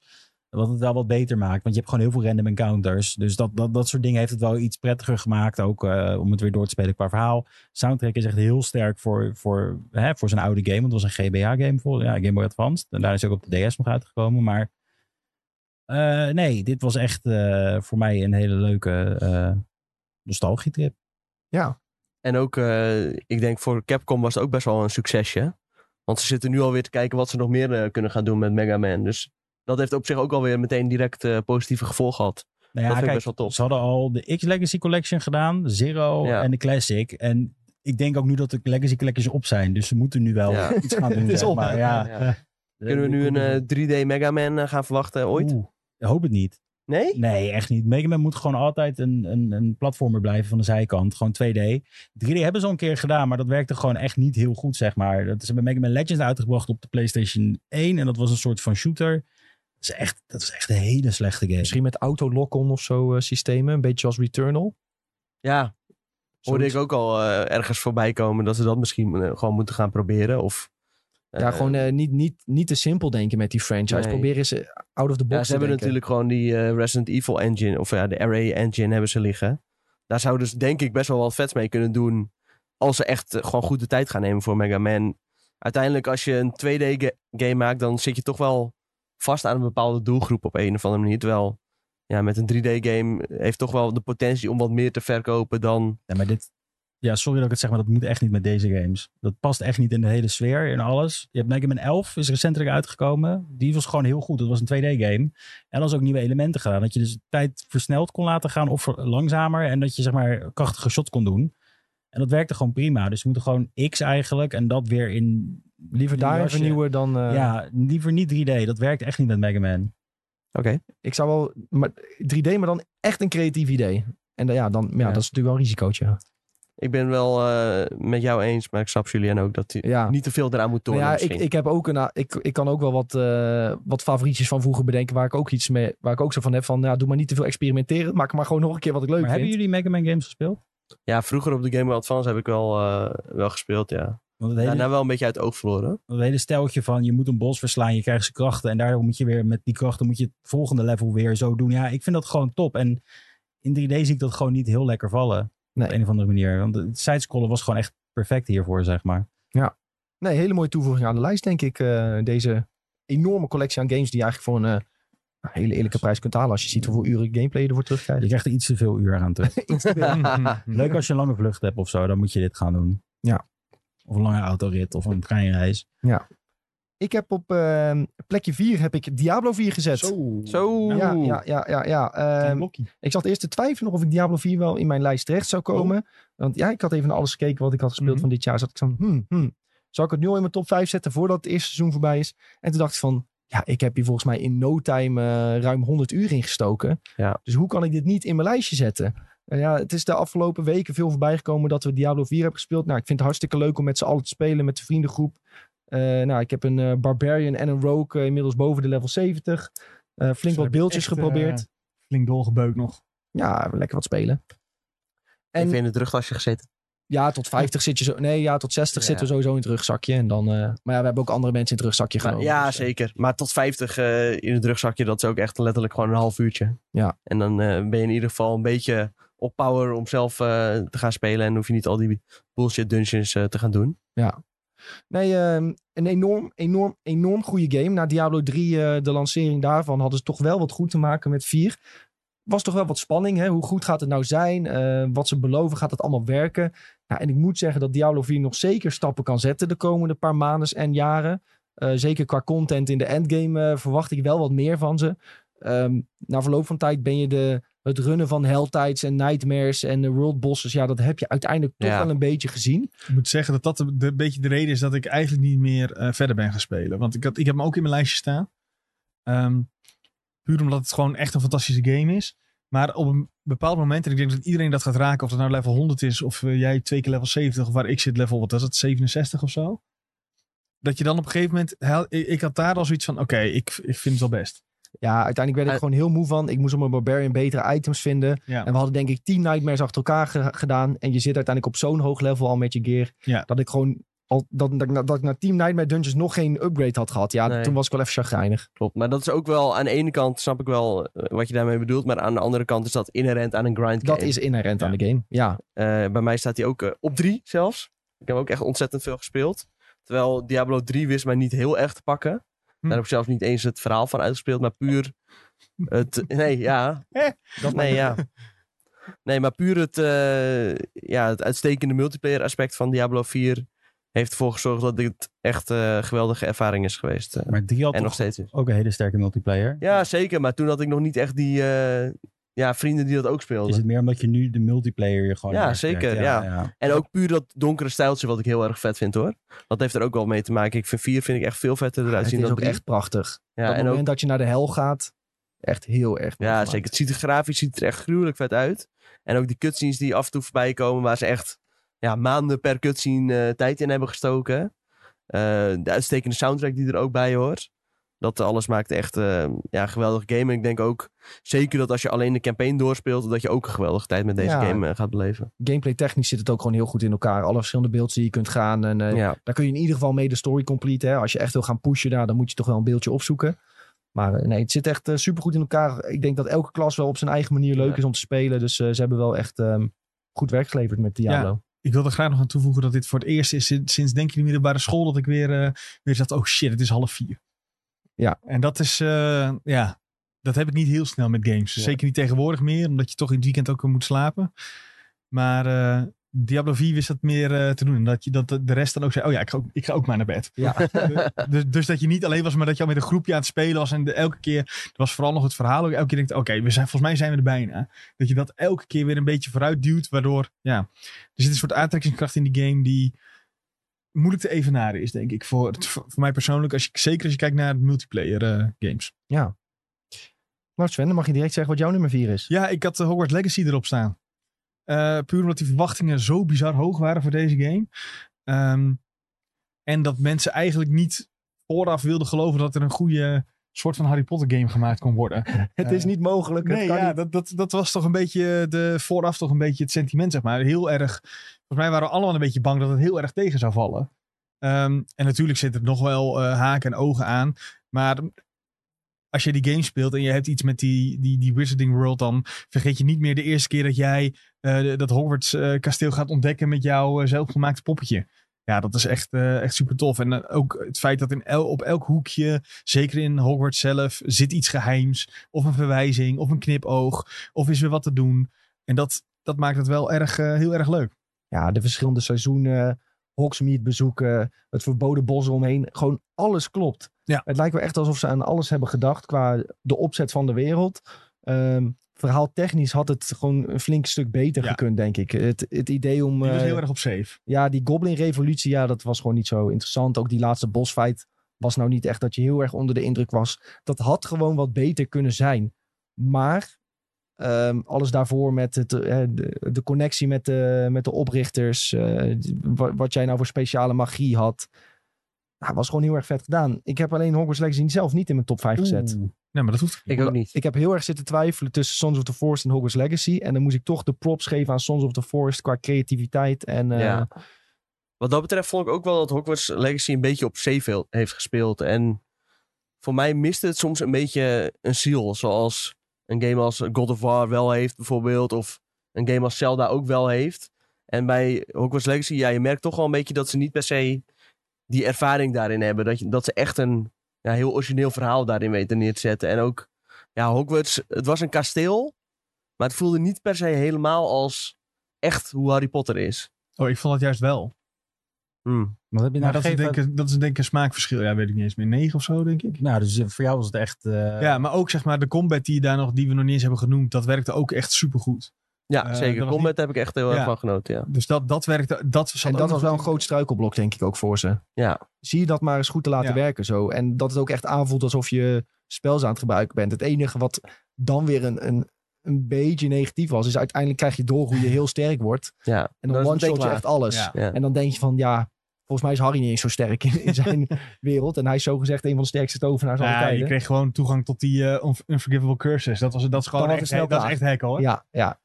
Maar ik ben het wel met Sven eens dat ik, dat ik het kasteel heel erg vet vond. Ik vond het alleen soms moeilijk om te beseffen dat alles interconnected was met elkaar. Dat die schaal van dat, de schaal van het kasteel was zo groot dat ik eigenlijk soms... Ja, je was toch wel aan het fast travelen ook in het kasteel. Ik, ja, je gaat niet alles lopen, want het is echt eh, is Aan, het veel te begin, ver. je dat- aan het begin, de eerste paar uurtjes Ja. deed ik dat. En daarna dacht ik, oké, klik. Ja, maar dan ben je dus wel een beetje, het raak je wel het gevoel kwijt. Een beetje in het kasteel, dat had ik in ieder geval. Maar eh, desalniettemin echt eh, enorm van genoten. ja, ik had ook een beetje het probleem dat het kasteel niet echt heel erg leefde voor mijn gevoel. Eh, vooral ja, in die grote zaal had je wel wat mensen zitten. Maar voor de rest stond er af en toe op een hoekje stond een NPC waar je dan mee kon praten. Maar voor de rest was het was niet echt een levende bedoeling of zo. Er waren, Er ligt eraan waar je in het kasteel komt ook. nou, ik had het De common- wel De eigenlijk. common rooms, die hadden superveel mensen. Ook die hallen waar de trappen staan, daar had je heel veel mensen. Nou ja, heel veel. Dat vind ik wel relatief. Nou, start nu die game op en ga daar lopen. Ik weet zeker dat je er minstens 20 kan vinden. Ja, is dat dan heel veel? Nou, ik vind dat redelijk veel in zo'n halletje. Met dat fonteintje in het midden. En waar je in principe een beetje begint. Ik vond dat daar best veel mensen staan. Dan loop je daar beneden het trapje af. Die, die tuinen in. Waren ook best veel leerlingen bezig. Buiten, buiten in de tuinen. Dan eh, richting het Quidditchveld. Waren ook best veel leerlingen te vinden. Ik vond het niet per se heel erg Mm. leeg aanvoelen. Maar zodra je een Ja, beetje naar boven ging. Naar de klaslokalen. Dan was het wel iets leger. Ja. Maar, nou, Nou ja, ik vond het kasteel gewoon niet heel erg levendig aanvoelen. je had de spoken die rondvliegen. Die je random tegenkwam. Of eh, katten kwaad aan het uithalen waren bij leerlingen. Ja, oké, maar dat kun je allemaal op gaan noemen, maar dat neemt niet mijn gevoel weg. Oké. Nee, maar ik Dan zeg alleen waarom ik, niet opeens veranderd. waarom ik merkte dat ik vond dat er wel genoeg gebeurde. Ja, nee, ja. Nee, wat, het, het moment wat het mij het meest bij is gebleven... is dat je redelijk in het begin loop je naar beneden. En dat dat... ehm, en er hangt een heel groot schilderij van een gast met een harp, geloof ik. Of met een soort... Ja, het is geen gitaar. Of een citer, of weet ik veel wat. En dat die begint te spelen. Dat je denkt van, ja, oké, nu ben ik wel echt in deze wereld of zo. Ja, ik had, dat had ik wel. Snel het gevoel van, oké, ik ben in de Harry Potter wereld. Zodra je bij het kasteel bent. Ja. Dat eerste stuk met Ja, die koets ja, en zo. Dat, Dat, geloof eh, je allemaal wel. Dat je, dan denk je even, laat mij daar nou heen gaan. Ja. Ja. nee, maar eh, inderdaad niet de perfecte Harry Potter game. Maar ik denk voor een eerste poging hebben ze dat gewoon heel erg goed gedaan. Nou, als je ziet wat er afgelopen tijd is uitgekomen aan Harry Potter games, is eigenlijk niks. Alleen die filmgames en wat Lego games. Ja. Vind ik dit eh, een bewonderenswaardige, Ja, zeker. Het eerste poging. is heel knap wat ze voor de eerste poging hebben neergezet. En ik denk vooral dat het met een tweede eventuele deel, wat ze sowieso gaan maken, gezien het succes van dit deel, gaat dat echt eh, nog veel beter eh, zijn. En dan gaan ze waarschijnlijk alle ja, mogelijke kritiekpunten nog wel wegnemen. Ja, als ze dan durven om wat meer... Ja, wat durven in het verhaal te gooien. En wat, wat veranderingen toe te passen. Als ze dat nu gaan durven. Ja, ben ik wel benieuwd wat, het dan, wat er dan uitkomt. Zeker. Want ja, zoals je zei, het is redelijk safe, safe gespeeld. Hey, ehm, nummertje drie op jouw lijst, Tom. Dat had je net al gezegd, volgens mij. Ja. Dat was Diablo 4? Eh, ja, was Diablo, ja. Oké. Sjoe, heb jij er nog eentje? Voor de mensies. Het is een oude game, maar ik speel hem nog steeds. En dat is Final Fantasy XIV. ehm, Hij heeft wel weer een nieuwe DLC gehad. dat is het hem ook. Endwalker. Eh, nee, dat is nee. al een tijdje geleden hoor. Maar er blijft eh, Nieuwe de patches, updates, dat wel, de, ja. de updates zijn gewoon. eh, nee, het blijft gewoon heel goed. Het is natuurlijk de afsluiting van het hele verhaal van 14, wat wel heel interessant is. Ehm, ja, ik blijf er gewoon heel heftig in, eh, in geloven dat het voor mij, denk ik, mijn meest gespeelde game is. Als ik het ook kijk naar, naar Game Time, dan schrik ik ook. Vorige keer was het 40 dagen volgens mij. Keurig. Ja, dus dat was wel eh, langer volgens mij zelfs. Maar dus het, is, eh, het blijft leuk. Het blijft me terugtrekken. Elke keer als er een expansion komt, blijf ik het spelen. Ehm, ja, het, het is gek dat het... eh, ik ben wel van server verplaatst. Dus ik zit een hele lege server. Maar toch blijf ik er wel van, van genieten. Het is ook niet dat ik heel erg dat nodig heb volgens mij. Dat is het mooie aan Final Fantasy XIV. Je kan het ook losspelen. Je hoeft niet als een echte... Voor je gevoel als een MMO alles heel erg heftig te doen zo. Het, het, het- het daalt het best wel terug. Het is niet dat je echt specifiek met mensen moet communiceren. Behalve als je de hardcore dingen gaat doen, dan moet je dat doen. Maar je En kan dungeons, ook runnen. wel. Nou, ook niet echt. Dungeons heb je het niet echt nodig, want je hebt toch ook het trust system wat nu is Hm. Ja, dat is toegevoegd. dat is eh, waarmee je alle dungeons eigenlijk die nu opnieuw zijn toegevoegd. eh, de nieuwe dungeons kan allemaal op een trust system doen. En dat is gewoon dat je met een party van NPC's de dungeons gaat doen. Dat werkt ook gewoon prima. Ik moet wel Eh, zeggen, ik vind juist de sterke kant van deze MMO dat iedereen zo super vriendelijk is naar elkaar. Ook als iemand zegt, ik, eh, je bent even aan het levelen en iemand zegt, joh, ik doe dit voor het eerst. Dat je dan, eh, iedereen begrijpt dat. Niemand die doet moeilijk van, eh, oh, ga eerst eens een guide lezen. Of, Nou, ja, ik denk dat je het nou heel rooskleurig beschrijft. nou, dat is wel je- mijn ervaring. Als je gewoon een raid ingaat, dan zeggen Ja, mensen ook wel, maar doe gewoon even die guide. Vind- ja, maar ik, ik vind een raid en een, de, de standaard verhaal dungeons wel twee verschillende dingen, denk ik. Maar nou ja, je hebt tegen het einde van de vorige expansion had je ook wel verhaal dungeons die gewoon vrij pittig waren. En waar, je ook, waar ik ook één keer gewoon vooruit op mijn bek ben gegaan dat niemand, ja, omdat die bosses wel redelijk Ja, worden aan het eind. Ja, oké. niemand het eh, goed had doorgelezen. Dus ik, het is, eh, het, ik vind het wel iets pittiger dan hoe je het nu omschrijft. Ehm, en daarnaast, ja, het, het, gewoon de locaties, eh, het hele concept van hoe Endwalker zich afspeelt met tijdlijnen. Het is heel tof. En dan spoil ik niet heel veel, maar het is heel tof. Het, En, is, het eh, is denk ik misschien wel de beste eh, MMORPG die je op dit moment eh, kunt gaan spelen als je nog nooit een MMO hebt ja, gespeeld. zeker, zeker. Ja. Je kunt gratis beginnen. Ook heel gratis chill. beginnen, Tot ja. level 60, hè? koopt eh, de- in feite de PlayStation Store Ja. gratis, dan hou je dat dingetje. Of op je computer, wat je wil. En dan kan je gewoon tot level 60, ja. Dat is echt heel veel content. Echt heel veel. En best wel echt een heel goed verhaal ook. Ja, zeker. Wordt wel een beetje langdradig. Dus ik ben blij Ja. dat er nou ook een einde aan Mhm. wordt gemaakt. Dat moet ik wel erbij zeggen. En ik ben ook heel erg benieuwd wat de toekomst gaat brengen met de nieuwe expansion. Ja, ik had dus acht dagen playtime in die game gestopt. Bijna alleen maar aan het verhaal gespendeerd. En ik was nog niet bij het einde van het verhaal. Nee. Dus ik weet Ja, niet maar of dat, dan en, even dat snel... was, en dat was van de vorige, toch? Dat was Daar, was van, daar zit Endwalker nog niet bij. Ja. En welke nog een Shadowbringer had je ook niet. eh, Shadowbring. Shadowbringer had ik alleen... Dan moest ik de, de, de bonus patches nog doen. Ja, dat is ook, maar dat is. Maar dat is ook lang, alleen, hoor. Maar dat is heel veel. Ja, maar eh, ik, doe het, ik was al acht Ja. dagen in de tijd bezig. Maar dat, dat was mijn grootste ergernis. Dat, dan dacht je, oh, ik ben eindelijk klaar met deze DLC. Kijk, het is vet voor de fans dat die extra content er dan is natuurlijk. Maar er komt nooit een einde aan. Je denkt dan, oh, ik ben klaar met DLC. En dan, oh ja, maar we hebben ook nog hier een lading patches voor je klaarstaan. Waar de- bij de echte fans natuurlijk zeggen van, graag hier, ik geef het me.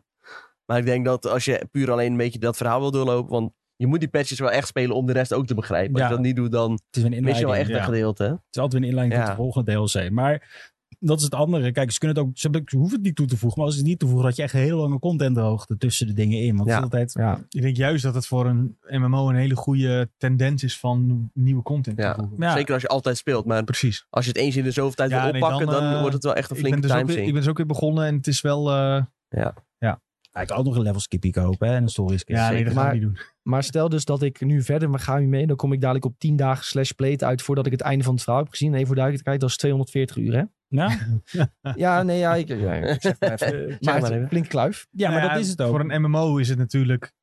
Kijk, dat komt omdat jij en toen ik ook toen de tijd, een beetje tijdens die coronaperiode zijn begonnen, toen het echt explodeerde, dan loop je al, nou laten we zeggen 200 uur achter op de rest, alleen al in het verhaal. Ja. Die al, weet ik het hoeveel jaar spelen. Dus dan is het inderdaad echt zo'n gigantische kluif. En ik denk dat dat mijn probleem is met, eh, met Warcraft. Daar kom, ik, daar kom ik gewoon helemaal niet meer in. Eh, ik heb toen ook een tijd met jou gespeeld.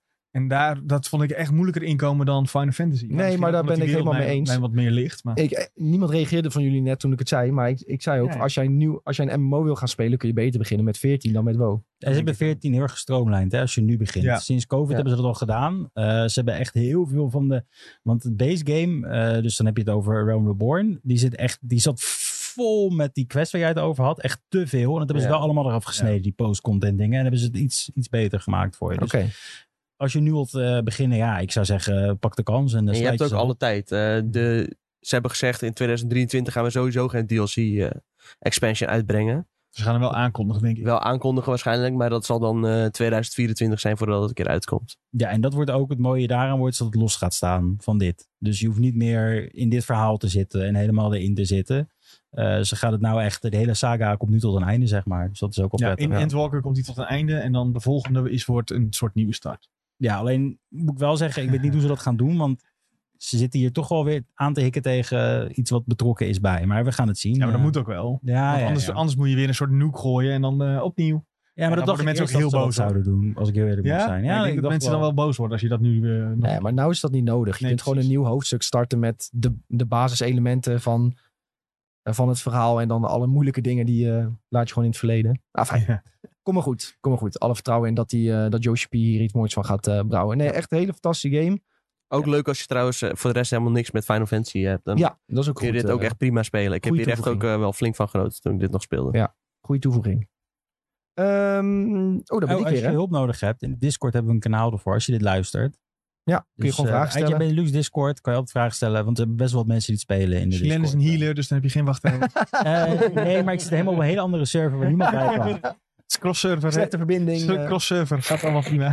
De ping is heel Rij- slecht. Hij rijdt altijd de tunnel in. eh. Hey, eh, ik had op drie staan een grote verrassing voor mij. Resident Evil 4. Ehm, ik ben niet per se een Resident Evil speler. Ik ben ooit begonnen aan 3 en 2, maar niet afgemaakt. Maar de Village heb ik wel, remasters. Village vind- heb ik wel uitgespeeld. Ik vind het mooi hoe jij altijd zegt, ik hou niet van horror games. En dan eens in de zoveel tijd komt er toch weer een horror game uit je mouw. Waarbij je zegt, dit vond ik geweldig. Ja, maar dat Eh, er staan zelfs twee horror games in mijn lijst. Soms het Force is in Oh ja. ook horror. Ja. Fair enough. Ehm, maar ja, ik, ik, ik merk nu wel dat ik niet van horror games hou zoals Outlast, waarbij het echt schrikken en de hele tijd zenuwachtig zijn is. Ja. Resident Evil 4 is meer gewoon een Ja. actie, actie-avonturen game, waarbij je ook eh, zombies hebt en een, en een horrorachtig verhaal. Maar de Resident Evil franchise is ook meer bekend als een puzzelgame. Zo zie ik het meer. Met Ja. een, in een zombiewereld. Dat, Ja. dat, dat, het is niet echt horror horror. Nee. Ik zou het meer schalen onder een, een thriller als je het moet vergelijken met een filmgenre. Voor mijn gevoel. En dat, dat vind ik dan weer heel erg vet. Bijvoorbeeld dat je in vier eh, hè, de, de dochter van de president moet gaan redden. Ja, dat klinkt Ja. meer als een thriller verhaal. En dat, ja, zo voelt het ook. En ik vond die wereld echt super goed uitgewerkt. Met name nadat het, je bij het meer bent geweest. Ja, jullie zeiden al, van nu gaat het verhaal echt, eh, echt heel erg vet worden. Ik had, ik had bij vier constant dat ik dacht van ja, ik wil echt verder spelen. Om gewoon te weten wat er gaat gebeuren. Ik vond de, de combat werkte gewoon heel erg goed. De wapens die je krijgt zijn heel erg vet. Eh, dat ik elke keer op mijn centjes moest les, letten van... oh, wat ga ik nu kopen? Welke upgrade ga ik Ja. nu pakken? Dat dat ja, een soort eh balanceeract was met geld en eh, wapens. Vond ik gewoon heel erg vet. En het, het verhaal is mega... Ik was enorm verrast hierdoor. Ehm, dus ook ja. niet heel moeilijk, de game. Nee, het, was ook gewoon- niet moeilijk. Ik ben niet goed met een controller en het lukte mij redelijk makkelijk om eh, alles aan te vallen en te verslaan. Ja, dat, het was gewoon prima. Je, gaat er lekker doorheen, maar het is ook weer niet zo makkelijk als... eh, Je krijgt genoeg adrenaline. Ja, Ja. ja. Het is genoeg uitdagend. Zeker als je ja, tegen het einde van de game... dan kom je een keer eh, regenerators tegen. Dat zijn echt hele vervelende beesten. Zo, daar heb ik echt eh billen zitten knijpen. Ja, vooral als je de eerste keer dat je ze tegenkomt... dan denk je echt van... ja, hoe ga ik dit aanpakken, joh? Ja, daar heb Maar- ik even vastgezeten. ja, dan zit je wel even vast. En dan uiteindelijk kom je erachter hoe dat werkt. En dan is dat ook wel echt een heel eh, vet stuk van de game eigenlijk. Een van de weinige echte horrorstukjes eigenlijk uit het hele spel. Maar voor de rest zitten er gewoon een heleboel leuke eh, game mechanics in. Terwijl soms dan zit je in een game heel erg te storen aan bepaalde elementen. En hier zit je de hele tijd zo van... Oh, wat we nu weer introduceren is ook weer een heel leuk element. Ja, het is Ja. echt alsof elke missie een aparte game is. Ja. Ehm, je hebt bijvoorbeeld die missie dat je bij het kasteel op het dak op gaat en dat, ze, dat, er, een, dat er een ogre met een eh, steen op je gooit. Mhm. Eh, een, een missie daarna ben je, moet je heel snel wegrennen voor, een- voor een grote horde zombies. Ze verzinnen elke keer iets anders. Je doet nooit twee keer hetzelfde achter elkaar. Dat is echt zo goed en het gedaan. ziet er ook allemaal heel anders uit. Ja. Als je eenmaal het kasteel binnenkomt, heb je weer een hele andere vibe dan eh, Ja. in het dorp, zeg maar, om het zo te zeggen. Ja, zo op het begin denk je... Oh, dit wordt echt zo'n game waarbij alles er hetzelfde uitziet. Ja, dat is echt totaal niet waar. Iedere level ziet er weer echt compleet anders uit. En ook grafisch gezien is het ook wel echt een hele goede op oppoetsbeurt geweest. Eh, ja, dat viel me ook heel erg op. Ik heb hem trouwens ook in mijn lijst staan op nummer 2. ook nog wel een grappig ding. Normaal in eh, dit soort games, als er dan iemand achter je aanloopt, dat je een beetje zo'n escort missie hebt. Ja, dan zit je ook altijd eh, dood te ergeren. Maar hier is dat eigenlijk bijna geen ergernis. Nee, het origineel toch ook gespeeld? Nee, ik heb het origineel dus niet gespeeld. Ja, Oh. veel met vrienden vroeger. Eh, die dan aan het spelen waren. En dan nam je af en toe wel de controller over. Dus ik, ik ken de origineel wel. Ik heb het wel eens voorbij zien komen. Maar niet zelf van eh, begin tot einde er helemaal doorlopen. Ja, daar was Ashley wel iets irritanter, moet ik zeggen. Ja. Dan, dan ja, dat heb ik heel netjes gezegd. Zo. Dat was Ja, er is een heleboel quality of life verbeteringen Ja. in ook natuurlijk. Bijvoorbeeld wat, wat Nick net zei, eh, dat stuk op dat dak. Ja, daar, Ja. maar daar heeft ze bij mij ook een paar keer goed mijn humeur verpest, toch? Ja, maar ze was echt tien keer erg in het origineel. Oké. En hier had ze wel iets meer, ja, het ging iets vloeiender, zeg maar. Ja. Want ik heb me daar echt geërgerd aan hoe vaak Ashley doodging in het origineel. Dat ja, ik snapte niet zo goed wat ik moest doen op dat dak. En dan ook elke keer werd ze gepakt of stond ze in zo'n steen die naar beneden viel. Terwijl ik al lang door was gelopen. Ja, toen dacht ik echt... eh, nee, daar werd ik wel even gek. Maar dan uiteindelijk weet je wat je moet doen. En denk je van, oh ja, ik ben de, de- Ja. ik ben de domme, eh, niet Ashley. Maar goed, eh, nee, fantastische game. Resident Evil 4, zeker. Enorme aanrader voor dit jaar. Ehm, Sven, welke had jij nog op Ja, drie staan? Diablo, dus dat is al geweest. Oh, Diablo is al geweest. Ja, ja, ja. Oké, Sven Diablo op 3. Ja, Tom had nu Resident Evil op 2.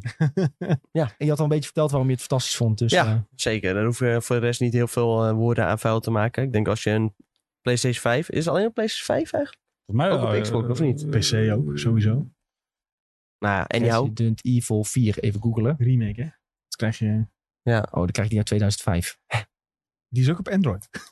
Ook op Android. Staat daar. Volgens mij is alleen eh, de VR-mode uiteindelijk. PS5, eh, PS4, Series X en S en ja, PC. overal op te spelen. Oh, toch wel. Nou, maar de VR-mode komt dan uiteindelijk eh, exclusief voor eh, PlayStation. Zo grappig, omdat we allemaal PS5 hebben, dat we soms niet meer weten of het ook op Nee, PS4 ja, dat is allemaal een beetje fluide Zo- aan het worden. Zo werkt het, hè? Zo, pakt, zo pakken ze je de hele tijd. Ja, maar ik vind het ook Ja. maar normaal hoor. Ze moet wel eens Ja. afgelopen zijn met die PS4. Eh. Ja, sowieso met dingen uitbrengen van vorige generatie moet, zo, moet men sowieso mee stoppen. Ja, met Ja. indies kan het nog wel, als je het in de lage... Ja, engine oké, maar- maar zulke games, eh ja, lekker Triple A pushen. doe maar niet meer, nee. push it. Ja, gaat spelen in ieder geval. Ook de boss fights eh, zijn trouwens ook echt heel vet in Ja. deze game. Zeker. Ehm, ja, dan kunnen we alweer door naar Jules. Dit is met twee, hè? Ja, nummertje twee. Dan denk ik Tears of the Kingdom. Dat is denk ik nummer twee. Eh, het heeft me goed gegrepen. Eh, het is echt een fantastische game. Het doet alles wat ik wou dat het deed.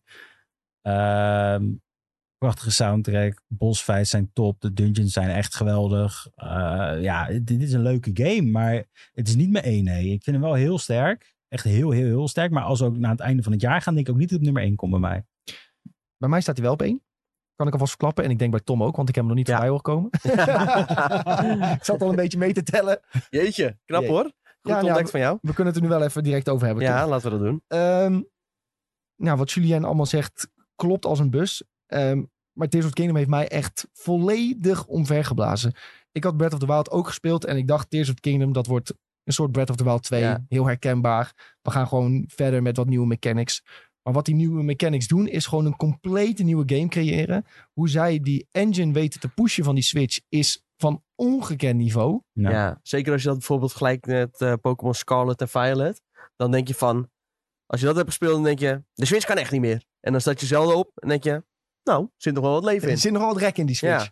Ja, maar ook ehm, dat zij dus bijna een jaar hebben gewerkt aan bugfixes. Eh, nou, uiteindelijk de, de bug-experts hebben er wel een paar gevonden. Maar dan moest je echt op het internet zoeken. Lekker exploiten die zo, hè? Die exploiters, die hebben het wel gevonden. eh, allemaal weer ge, gepatcht hè, inmiddels. Ja, ze patchen wel echt snel. zelfs die een Nou weet ik waarom die op jouw maar die- hoe je- staat. Je hebt geen game-breaking diamonds kunnen doen. Dit is. Gepakt, gepakt. Loophole maar- Sven. Hoe, dat ze je gewoon allerlei dingen laten bouwen. En dat het gewoon allemaal werkt. Zonder dat er opeens een wiel zeg maar 300 Ja. meter door de lucht schiet. Is echt zo knap. Ook, Dat, dat kan bijna niet. Ook Nee. gewoon, als je de, iedere andere ontwikkelaar zou bedenken en je laat ze deze game maken, dan weet je gewoon dat alles door elkaar heen gaat klippen en dat het gewoon totaal niet zou werken. Maar het werkt gewoon en dat is bizar. Ja, maar het geeft je heel veel creativiteit als Ja. speler. En, en er zijn gewoon honderd manieren om een puzzel op te lossen. Ja. En, elke, Dat, elke oplossing is gewoon goed. ik denk dat elke dev inderdaad, wat Tom al zegt, heel jaloers ook is op deze Ja, je game. zag ze op Twitter ook echt zeggen van, ja. hoe kunnen jullie dit maken? Ja. Dit kan toch helemaal niet? Ehm, daarbij was ik... eh, Het verhaal van Breath of the Wild zou ik je nu helemaal niet meer kunnen vertellen hoe dat is gegaan. Dat vond ik ook eh, niet zo heel interessant. het meest memorabele was ook een beetje ondergeschikt, had ik het idee aan de rest. Maar in Tears of the Kingdom is het verhaal echt mega. Hoe Zelda uiteindelijk... eh, ja, ik zal niet veel spoilers geven, want ik denk dat veel mensen nog bezig zijn. die, eh, moet hem nog uitspelen. Ja, nou ja, hoe Zelda in het verhaal is verweven. Veel meer... Veel belangrijker is in het verhaal dan, dan in Breath of the Wild. Het is echt super goed gedaan. Hoe, hoe het van begin tot eind eh, eigenlijk allemaal een beetje met elkaar verbonden is. Echt gruwelijk. Echt Ja. eh, bijna een traantje moeten laten bij die laatste paar missies. Want het was gewoon echt... eh, Zeker. Ja, Het kippenvel stond wel op de armen. Dat Nou. kan ik wel zeggen. ongelooflijk. Nee, echt super goed gedaan. Combat was vet. Maar- je kwam bij, bij Ganon uiteindelijk, dacht je bijna, zit ik hier in een Dark Souls dungeon hier dat laatste twee Ja. uurtjes. eh, met dat laatste gevecht. Uiteindelijk was het laatste gevecht iets makkelijker dan, eh, dan ik dacht. Mag voor mij daar nog echt moeilijker. moeilijk mee.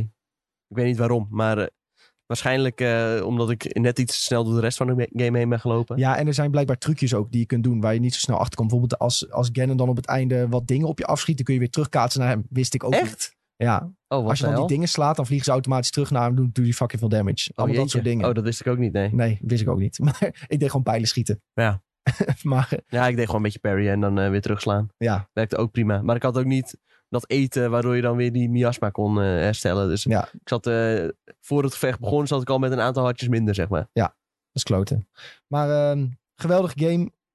Een van de beste open wereld games die ik ooit heb gespeeld. En ehm, ik zat zelfs te denken, dit is echt een van de beste games die ik ooit heb gespeeld. En ik denk als mensen dit eh, uitspelen, dat ze dan hetzelfde zeggen. Maar ik ben het wel eens met alles. Maar ik blijf er wel van zeggen. Het is wel sommige dingen wat zijn echt herhaald uit Tears of the Kingdom. Dus uh, Breath of the Wild. Breath of the Wild. Dus de, de, wat je toen had was die fotomissies. Dat je zo het verhaal ging achterhalen. Wat je nu dus doen, moest doen met die tranen eh, zoeken. ja, Dat soort dingen. En dat vond ik wel een beetje. Ik dacht van dat ik wel iets meer achter gehoopt. Zeg Dat, maar. dat die traantjes zoeken was wel een beetje lijstje afwerken. Ja, op dat een gegeven moment. Maar Ja. die foto's nemen in eh Ja. Breath of the Wild. En ik had wel zoiets van, ja, dat voelt wel een beetje hetzelfde. En dat vond ik wel jammer. Ik had wel gehoopt op iets meer. Maar dat is dan echt zo'n klein detail voor mij, wat, eh, wat helemaal verdwijnt in de, hoe goed de rest is.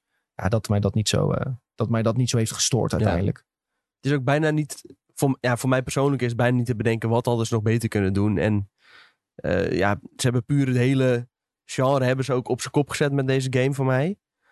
Eh, het is sowieso een van de eerste Zelda games die mij echt heel erg weet te pakken. Breath of the Wild heb ik zelfs na een tijdje weggelegd. Terwijl dit toch wel ook veel overeenkomst heeft met Breath of the Wild. Maar wat Breath of the Wild niet goed doet, dat lost ze hier voor mij weer helemaal mee op. Ehm, onder andere eh, het kapotgaan van wapens, waar ze echt een hele slimme oplossing voor hebben bedacht. Eh, maar ook het verhalende aspect, wat een gr- veel grotere rol speelt. Dus dat vind ik sowieso heel vet. En ik heb inderdaad ook heel erg genoten, zoals Julien zegt, van de soundtrack. Eh, van de bepaalde referenties naar, naar Studio Ghibli. Wat ik ook heel erg tof vond. Eh, ja.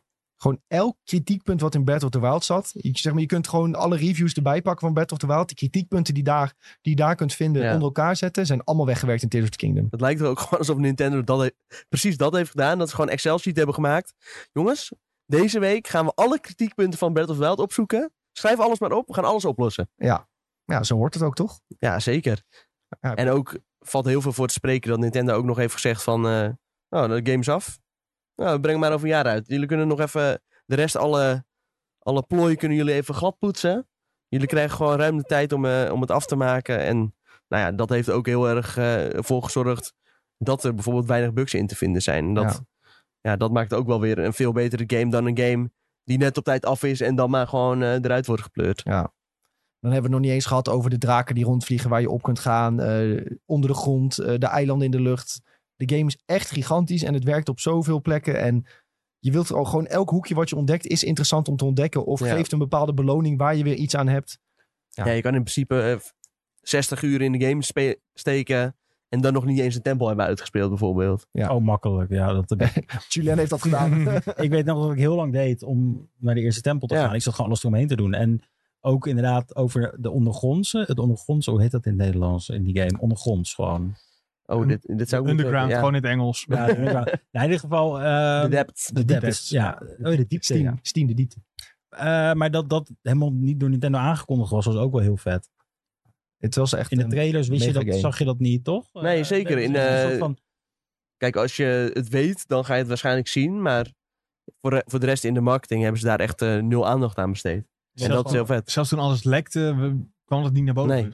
Wat gewoon heel ziek is. Want het is gewoon een, een van de grootste dingen waar ik het meeste tijd in heb gestoken Ja. in die game. Ja, zeg het is gewoon een hele extra wereld. Ja, Ja, bizar jongens, bizar. dus die marketing ook echt petje af hoor. Dat is heel goed gedaan Ja. dat je dat zo geheim hebt kunnen houden. Dat je dat, hè, zoals een soort van, oh ja, dat zit Ja. er ook in. Ja. Boom. Een van Ja, de titels zeker. van onze podcast was een keer... de Zelda-trailer blaast ons omweg.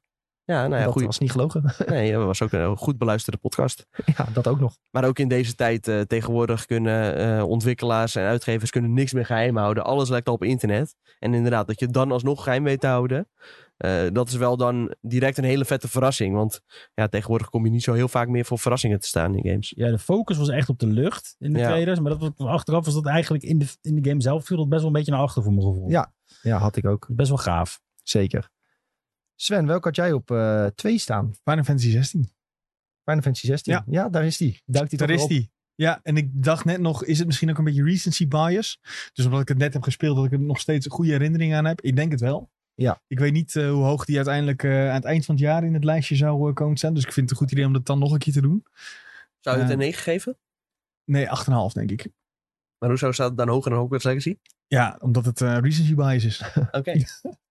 Ja, nee, dat. eh, en ik denk, ik denk zeker dat je met cijfers altijd tijdsgebonden. eh, je kan achteraf eh, kun je het wel of niet eens zijn met je, met je cijfer. Ehm, maar op dit moment, ja, ik, Final Fantasy heb ik anders beleefd dan, dan Hogwarts als je die vergelijking wil maken. Ik denk ook niet dat je die twee games eigenlijk moet vergelijken, maar een interessante nieuwe stap in de, in de Final Fantasy wereld. Het was natuurlijk al dat real-time in plaats van eh, eh, turn-based. En de, daar hebben ze nu echt nog een grote stap verder in gezet. Ehm, en heel duidelijk dat ze een, een westers publiek willen aanspreken door de Game of Thrones-achtige, nou niet eens achtige, gewoon het overduidelijk goed kijken naar Game of Thrones en eh, wat daaruit werkt, eh, naar je game toe halen. Eh, dat combineren met de Devil May Cry-achtige combat, eh, die dus eigenlijk iets te makkelijk was. Ehm, maar eh, Dat is kassa. ja, ja, ja, maar het, ja, het werkt gewoon heel goed. En vooral eh, het verhaal is uiteindelijk gewoon echt prima. De twist aan het einde maken het eh, zeker de moeite waard. Eh, en het eh, is een van de mooiere games eh, die is uitgekomen dit jaar. Mooi. Ja. Mooi afvond. Ja, veel al gehad over Final Ja, heel Fantasy veel 16. gehad. Eh. Tom en ik hadden allebei Tears of the Kingdom op één staan. Ja. Net besproken. Jules, wie had jij op één staan? Welke game had jij op één staan? Het gaat jullie verrassen. Diablo 4. Nee, grap. dat is een goede tijd, zeg. De Resident Evil 4 remake. Ik heb er echt heel veel van genoten. Oh, dus ja. weer terugkeren. En, ja, ik weet dat... Maar ja, dit is de tijdelijke lijst. Hè, maar gewoon terugkeren in een warm bad. Dat was het gewoon echt letterlijk. Maar dan nog iets met, met een lekkerder geurtje, zeg maar. Ik denk dat die aan het eind van het jaar bij veel mensen ook gewoon bovenaan staat. Ja. Ja, In hun lijstje. Ja, het was Ja, echt een hele goede Het game. verdient ook gewoon, vind Ja. ik. Het is echt sick hoe geweldig dat is om gewoon weer terug te keren naar die game. En dat het er zo uitziet, hoe het in je geheugen eruit zag eigenlijk. Ja. Terwijl het helemaal niet zo uitzag. Ja. Dus ik heb genoten. Voor mij was dit eh, nummer Toen ik er net doorheen was, toen eh, zei ik ook, eh, dit is voor mij eh, Game of the Year. En toen kwam Zelda uit. Ja, toen ging je een heel klein beetje naar beneden. Maar eh, ja, het scheelt niet veel. He- heeft me ook echt omvergeblazen inderdaad. Fantastisch. Sven, welke heb jij nog op één staan? Octopath Traveler 2. Goh, Ja, Je je verwacht het het niet, hè? nee. Nee, ja, ik denk ook de game waar ik dit jaar tot nu toe het meeste uur tijd in heb gestoken. Ehm, ja, het is zeg maar alles wat ik hoopte van Final Fantasy 16, dat heeft Octopath Traveler 2. En dat klinkt een beetje suf, maar ik ging eh, nog eens nadenken waarom ik Octopath Traveler 2 zo tof vind. En dat komt omdat ik eh, eh, eigenlijk echt ben opgegroeid met die oude, echt de oude Final Fantasy games. En dit is, Octopath Traveler 2 is eigenlijk zo'n oude Final Fantasy game in een nieuw jasje. Met net wat nieuwe combat elementen. jobs die je op een toffe manier kunt combineren. Verhalen die apart van elkaar iets wat wisselvallig zijn. Maar laten we zeggen dat de helft echt fantastisch is en de andere helft is gewoon goed. En dat ook nog bij elkaar komt eh, uiteindelijk.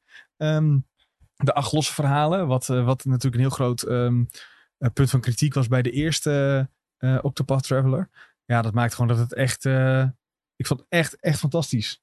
En Ja. als, je het hebt over zo'n game waar je wakker wordt en je denkt van, wil weer even spelen, dan is dat er wel eentje voor mij. Komt het omdat het meer Final Fantasy is dan Final Fantasy? Ja, ik denk het wel. Dat denk Zo. ik oprecht, ja. Eh, nou ja, meer echt oude Final Fantasy. Dus Ja. echt, zeg maar, Final Fantasy 16 was heel erg gebaseerd ook op 5. Terwijl ik Octopath Traveler 2 qua game eigenlijk meer naar 5 vind neigen. Om het eh, allemaal maar eh, redelijk makkelijk te houden. Ja. Hè? Dus ja, ik kan het... Ja, dit, als jij houdt van een goede, goede diepgaande RPG's, dan moet je die game zeker spelen. Ik heb hem op Switch gespeeld, ook ideaal, want dan kun je het meenemen. Het is overal uitgekomen, maar ik, ik vind het wel een, eh, ook nog een ideale Switch game. Eh, je kan het even in korte burst spelen. Eh, een deel van een verhaal speel je in een half uurtje of een uurtje. Eh, en zo rijg je het ene en het andere avonturen aan elkaar. Daarin. Ja, en dat is echt wel... waardoor ik een heel warm gevoel krijg bij Octopath Traveler 2. Ja, mooie lijstjes. Zeker. Ik denk dat er echt fantastische games voorbij zijn gekomen. We hebben ook een aantal games niet genoemd in onze top 5 lijstjes. Maar ik denk wel honorable mention waard. Dead Space, de remake, remaster. Ja. Dredge. Hebben we niet Oh, genoemd. ja. De wat kleinere games hebben we niet echt genoemd. Dredge. De Dredge. Ik, wat is dat voor een? Ik heb er hier echt nog nooit van Nee, gehoord. heb je niet van gehoord? Nee. Rick heeft het er heel vaak Ja. over gehad. Oh, dat je met dat vissersbootje zo... eh, nooit die trailer voorbij is gekomen? Nee, echt nooit Zoek maar op. En ik vind dat fantastisch, want het is een bootje. Ja, met alles met bootjes fantastisch. nu, ja. Ehm En Yakuza Inshin heeft ook heel hoog gescoord. oh, Yakuza, eh Wulong heeft Tom Ja. eh, gespeeld. Net buiten mijn top 5. Net buiten top 5. Advance Wars 1 en 2 nog uitgekomen. Dave the Diver. Dave the Diver, ja, die is net uit. Is echt Ja, net uit. dat is wel echt net uit. Maar het schijnt ook die- fantastisch te zijn. Het heeft alleen tegen dat het nu nog helemaal op de PC. Als dit op de Hmm. Switch was, had hij misschien Ja. wel mijn lijstje gestaan. Later dit jaar op Switch. Ja. Dit, dit, dit wil ik echt gaan spelen. Het is wel een Switch game ook. Heel erg. Ja, Ja. maar het is ook... Ik ben heel erg verslaafd geweest van Stardew Valley. Ik denk als ik dit ga spelen, dat ik ook weer heel verslaafd ga raken. Net als dat. Hi-Fi Rush. Eventueel nog potentie misschien als je wat verder bent. Nee. Oké. Gewoon prima, maar niet, eh, het zal niet in die vijf komen, nee. Ehm, ik had zelf nog opgeschreven honorable mention de Burning Shores DLC van, eh, van Horizon. Ehm, ja, zeker die laatste boss fight, die laat echt even zien wat je kan met een PlayStation 5. Dus dat eh, vond ik, wilde ik zeker nog even benoemen. Ja, ook games die wat minder goed waren. Redfall bijvoorbeeld. Want we hebben echt een fantastisch jaar tot nu toe. Als je dit lijstje noemt en, dit- Ja, ja. en er zijn onge- ongekend aantal indies die nog niet zijn genoemd. Maar ja, dan heb je bijvoorbeeld een paar missers. Die, die, die vallen dan direct op of zo heb ik ja. Ja, Dead Island 2 is ook nog uitgekomen. Ja, ook ja, Vond ik niet commercieel volgens mij redelijk goed Ja, gedaan. Maar dat- ja, commercieel heeft hij het goed gedaan, maar dat was niet een game dat ik denk van die, die die moet op je lijstje. mag, hoeft niet op mijn lijstje in ieder geval. Meer een Game Pass of PlayStation Plus Essentials Zo, game. dan, eh, Ja, dan, ja, ja, dan ja. moet je, hem- als, als dat zo zou zijn, ik weet niet of hij er nu je op staat, dan moet je even meteen lekker halen. Lekker Ja. rammen met vrienden, dan is het hartstikke leuk. Street Fighter 6. Street Zo, Fighter 6. niet eens Ik heb, ja. ik heb hem thuis liggen, maar ik heb hem nog niet opgestart. Ai, Lijkt uiteindelijk me- dat het in je lijstje komt. eh. Ja, Kan je nou ja, wel zou eh. Luffy maken, hè? Ja nou, misschien ga ik dat wel doen. Tom Groot fan van, eh, One Piece. Hij gaat, hij gaat Levi Ackerman namaken. Ja, precies. Ehm, ja, echt prachtig lijstje, jongens. Eh, echt een heel sterk gamejaar. En we moeten nog een half jaar. Oh, en er komen nog dingen aan. Er komen nog hele mooie dingen aan. Dus eh, ja, Ehm, dan, dan kan ik eigenlijk misschien wel een sprongetje maken naar eh, wat de poll wordt. eh poll wordt die we op Spotify gezegd hebben. En de poll is: 2023 is al een van de beste gamejaren aller tijden. Ben je het daarmee eens of ben je het daar niet mee eens? Laat het ons weten. Zo. Ja, denk er maar eens over na. Big shoes. Denk er maar eens over na. Nee Kunnen- joh, Game Boy. De Game Boy. Dat was het beste. Wat ooit is gebeurd met de gaming-industrie. Ja.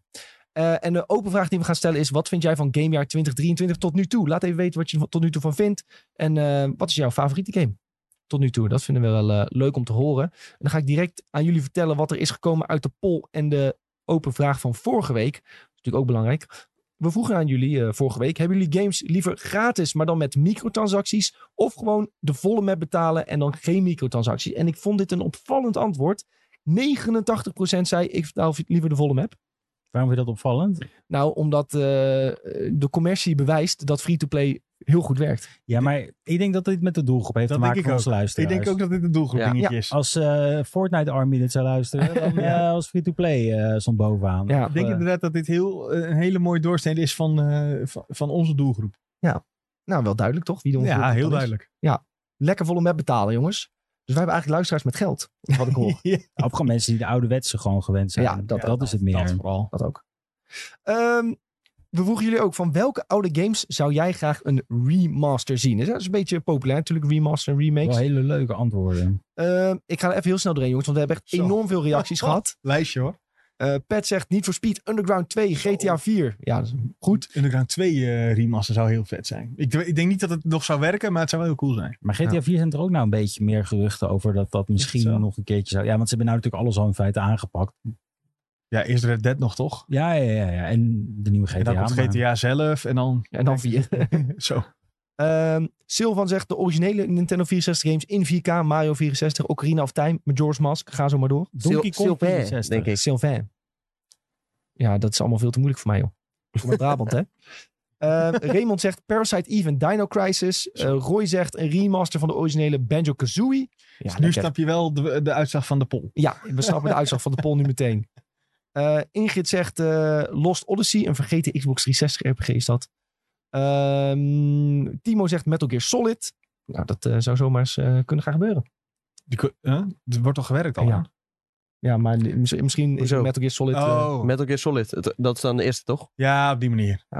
Jens eh, zegt Red Dead Redemption en Black Flag zie ik wel zitten. Nou, dat Nou. is toevallig.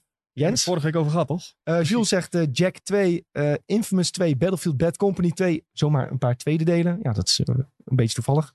Ik zie nog een keer Dino Crisis, Black Ops 2, Spore, Rollercoaster Tycoon, Need for Speed Underground, Need for Speed Most Wanted, Bloodborne, Destiny 1 voor PC. Wat een lijst. ga- Jezus, gaan we ja, we, we hebben nog nooit zoveel reacties gehad. We hebben nog nooit Zo, zoveel die onderste gehad. wel hoor. Ja, lees maar voor dan. Battle for Middle-earth. Ja, dat mag van mij nu direct worden gemaakt. Ja. Want Daar is een fangroep is daarmee bezig trouwens ook. Maar eh, ja, dat gaat nog even duren. Spreek jij een van de stemmen in? Ja, die van de orks. Wil ik horen. Nee. Maar in ieder geval super bedankt voor al jullie reacties. Eh, nou, het zijn er nooit zoveel geweest. Dus eh, dan weten we ook weer wat jullie leuk vinden om in te vullen. We kijken weer uit naar jullie reacties natuurlijk op de poll van deze week. Doe dat in je Spotify-app en dan gaan we ze volgende week erbij pakken. We willen jullie altijd achterlaten met een mediatipje, jongens. En ik had zelf niet echt een mediatipje deze week, moet ik bekennen. Niet iets, per se iets nieuws gezien waarvan ik dacht, dit moet je echt kijken. Maar Tom, die had wel iets voor jullie. Zeker. Ik heb de podcast De Ondergrond van eh, journalist Sam van Raalte. Hij was eigenlijk sportjournalist. Voor eh 433 maakte hij onder andere verhalen. Maar hij heeft nu gewoon eh, ja, wat meer persoonlijke verhalen. En nou ja, het eerste verhaal is bijvoorbeeld dat hij meedoet aan een soort van ketamine-experiment. Een andere gaat over de dood van een Koreaanse eh, diplomaat in Den Haag. Ja, een vriend van mij stuurde dit naar me toe. Die zegt, dan moet je luisteren. Ja, die moet jij sowieso jou. luisteren. Ja. Dat is echt eh, specifiek voor jou. Is dat een goede Oh, tip? Ja, ja. Dat gaat echt over, eh, nou ja, heel lang geleden een keer een, een Koreaanse diplomaat die dus komt te overlijden onder mysterieuze omstandigheden in Den Haag. Daar is dus blijkbaar een soort van museumpje voor opgericht. In Chinatown ja, je moet echt aanbellen om daar een keer naar binnen te kunnen. En die mensen die dat museum hosten, die komen dus blijkbaar uit Noord-Korea. Dus dat is ook al best wel Oh. bijzonder. Ehm, maar wat ik zelf wel een vette aflevering vond, is eh, de aflevering De Armeens-Iraans... Of jeetje, de Armeens-Iraans-Nederlands-Amerikaanse rapper. Er is dus blijkbaar een jongen die is opgegroeid in Nederland. En die maakt nu muziek met Wu-Tang Clan en Nas en The Game. En echt allemaal grote rappers. Is toch niet Armo was right, hè? Oké. Het was niet Armo Was Right. Eh, hij maakt wel goede muziek. En gewoon puur het verhaal hoe hij daar is gekomen is echt super vet. Dus dat kan ik sowieso aanraden om even te luisteren. Nice. De ondergrond dus. Goeie Van, tip. eh, op, had ook een tip. Eh, ja, Moonrise Kingdom, de 11 year reunion op Focus Features. Die hebben gewoon eh, allemaal kleine video's sowieso. Wat er interessant is, waar ze gewoon teruggaan met een cast en gaan praten over de films. Nou is Moonrise Kingdom natuurlijk heel interessant, omdat Wes Anderson's nieuwe film, ja, recentelijk in de bioscoop, draait volgens mij nog steeds. Eh en Moonrise Kingdom is denk ik wel zijn grote commerciële doorbraak geweest. En dus eh, dat je nou dan die twee acteurs die kindrollen eh, hadden, die gaan ze zeg maar interviewen.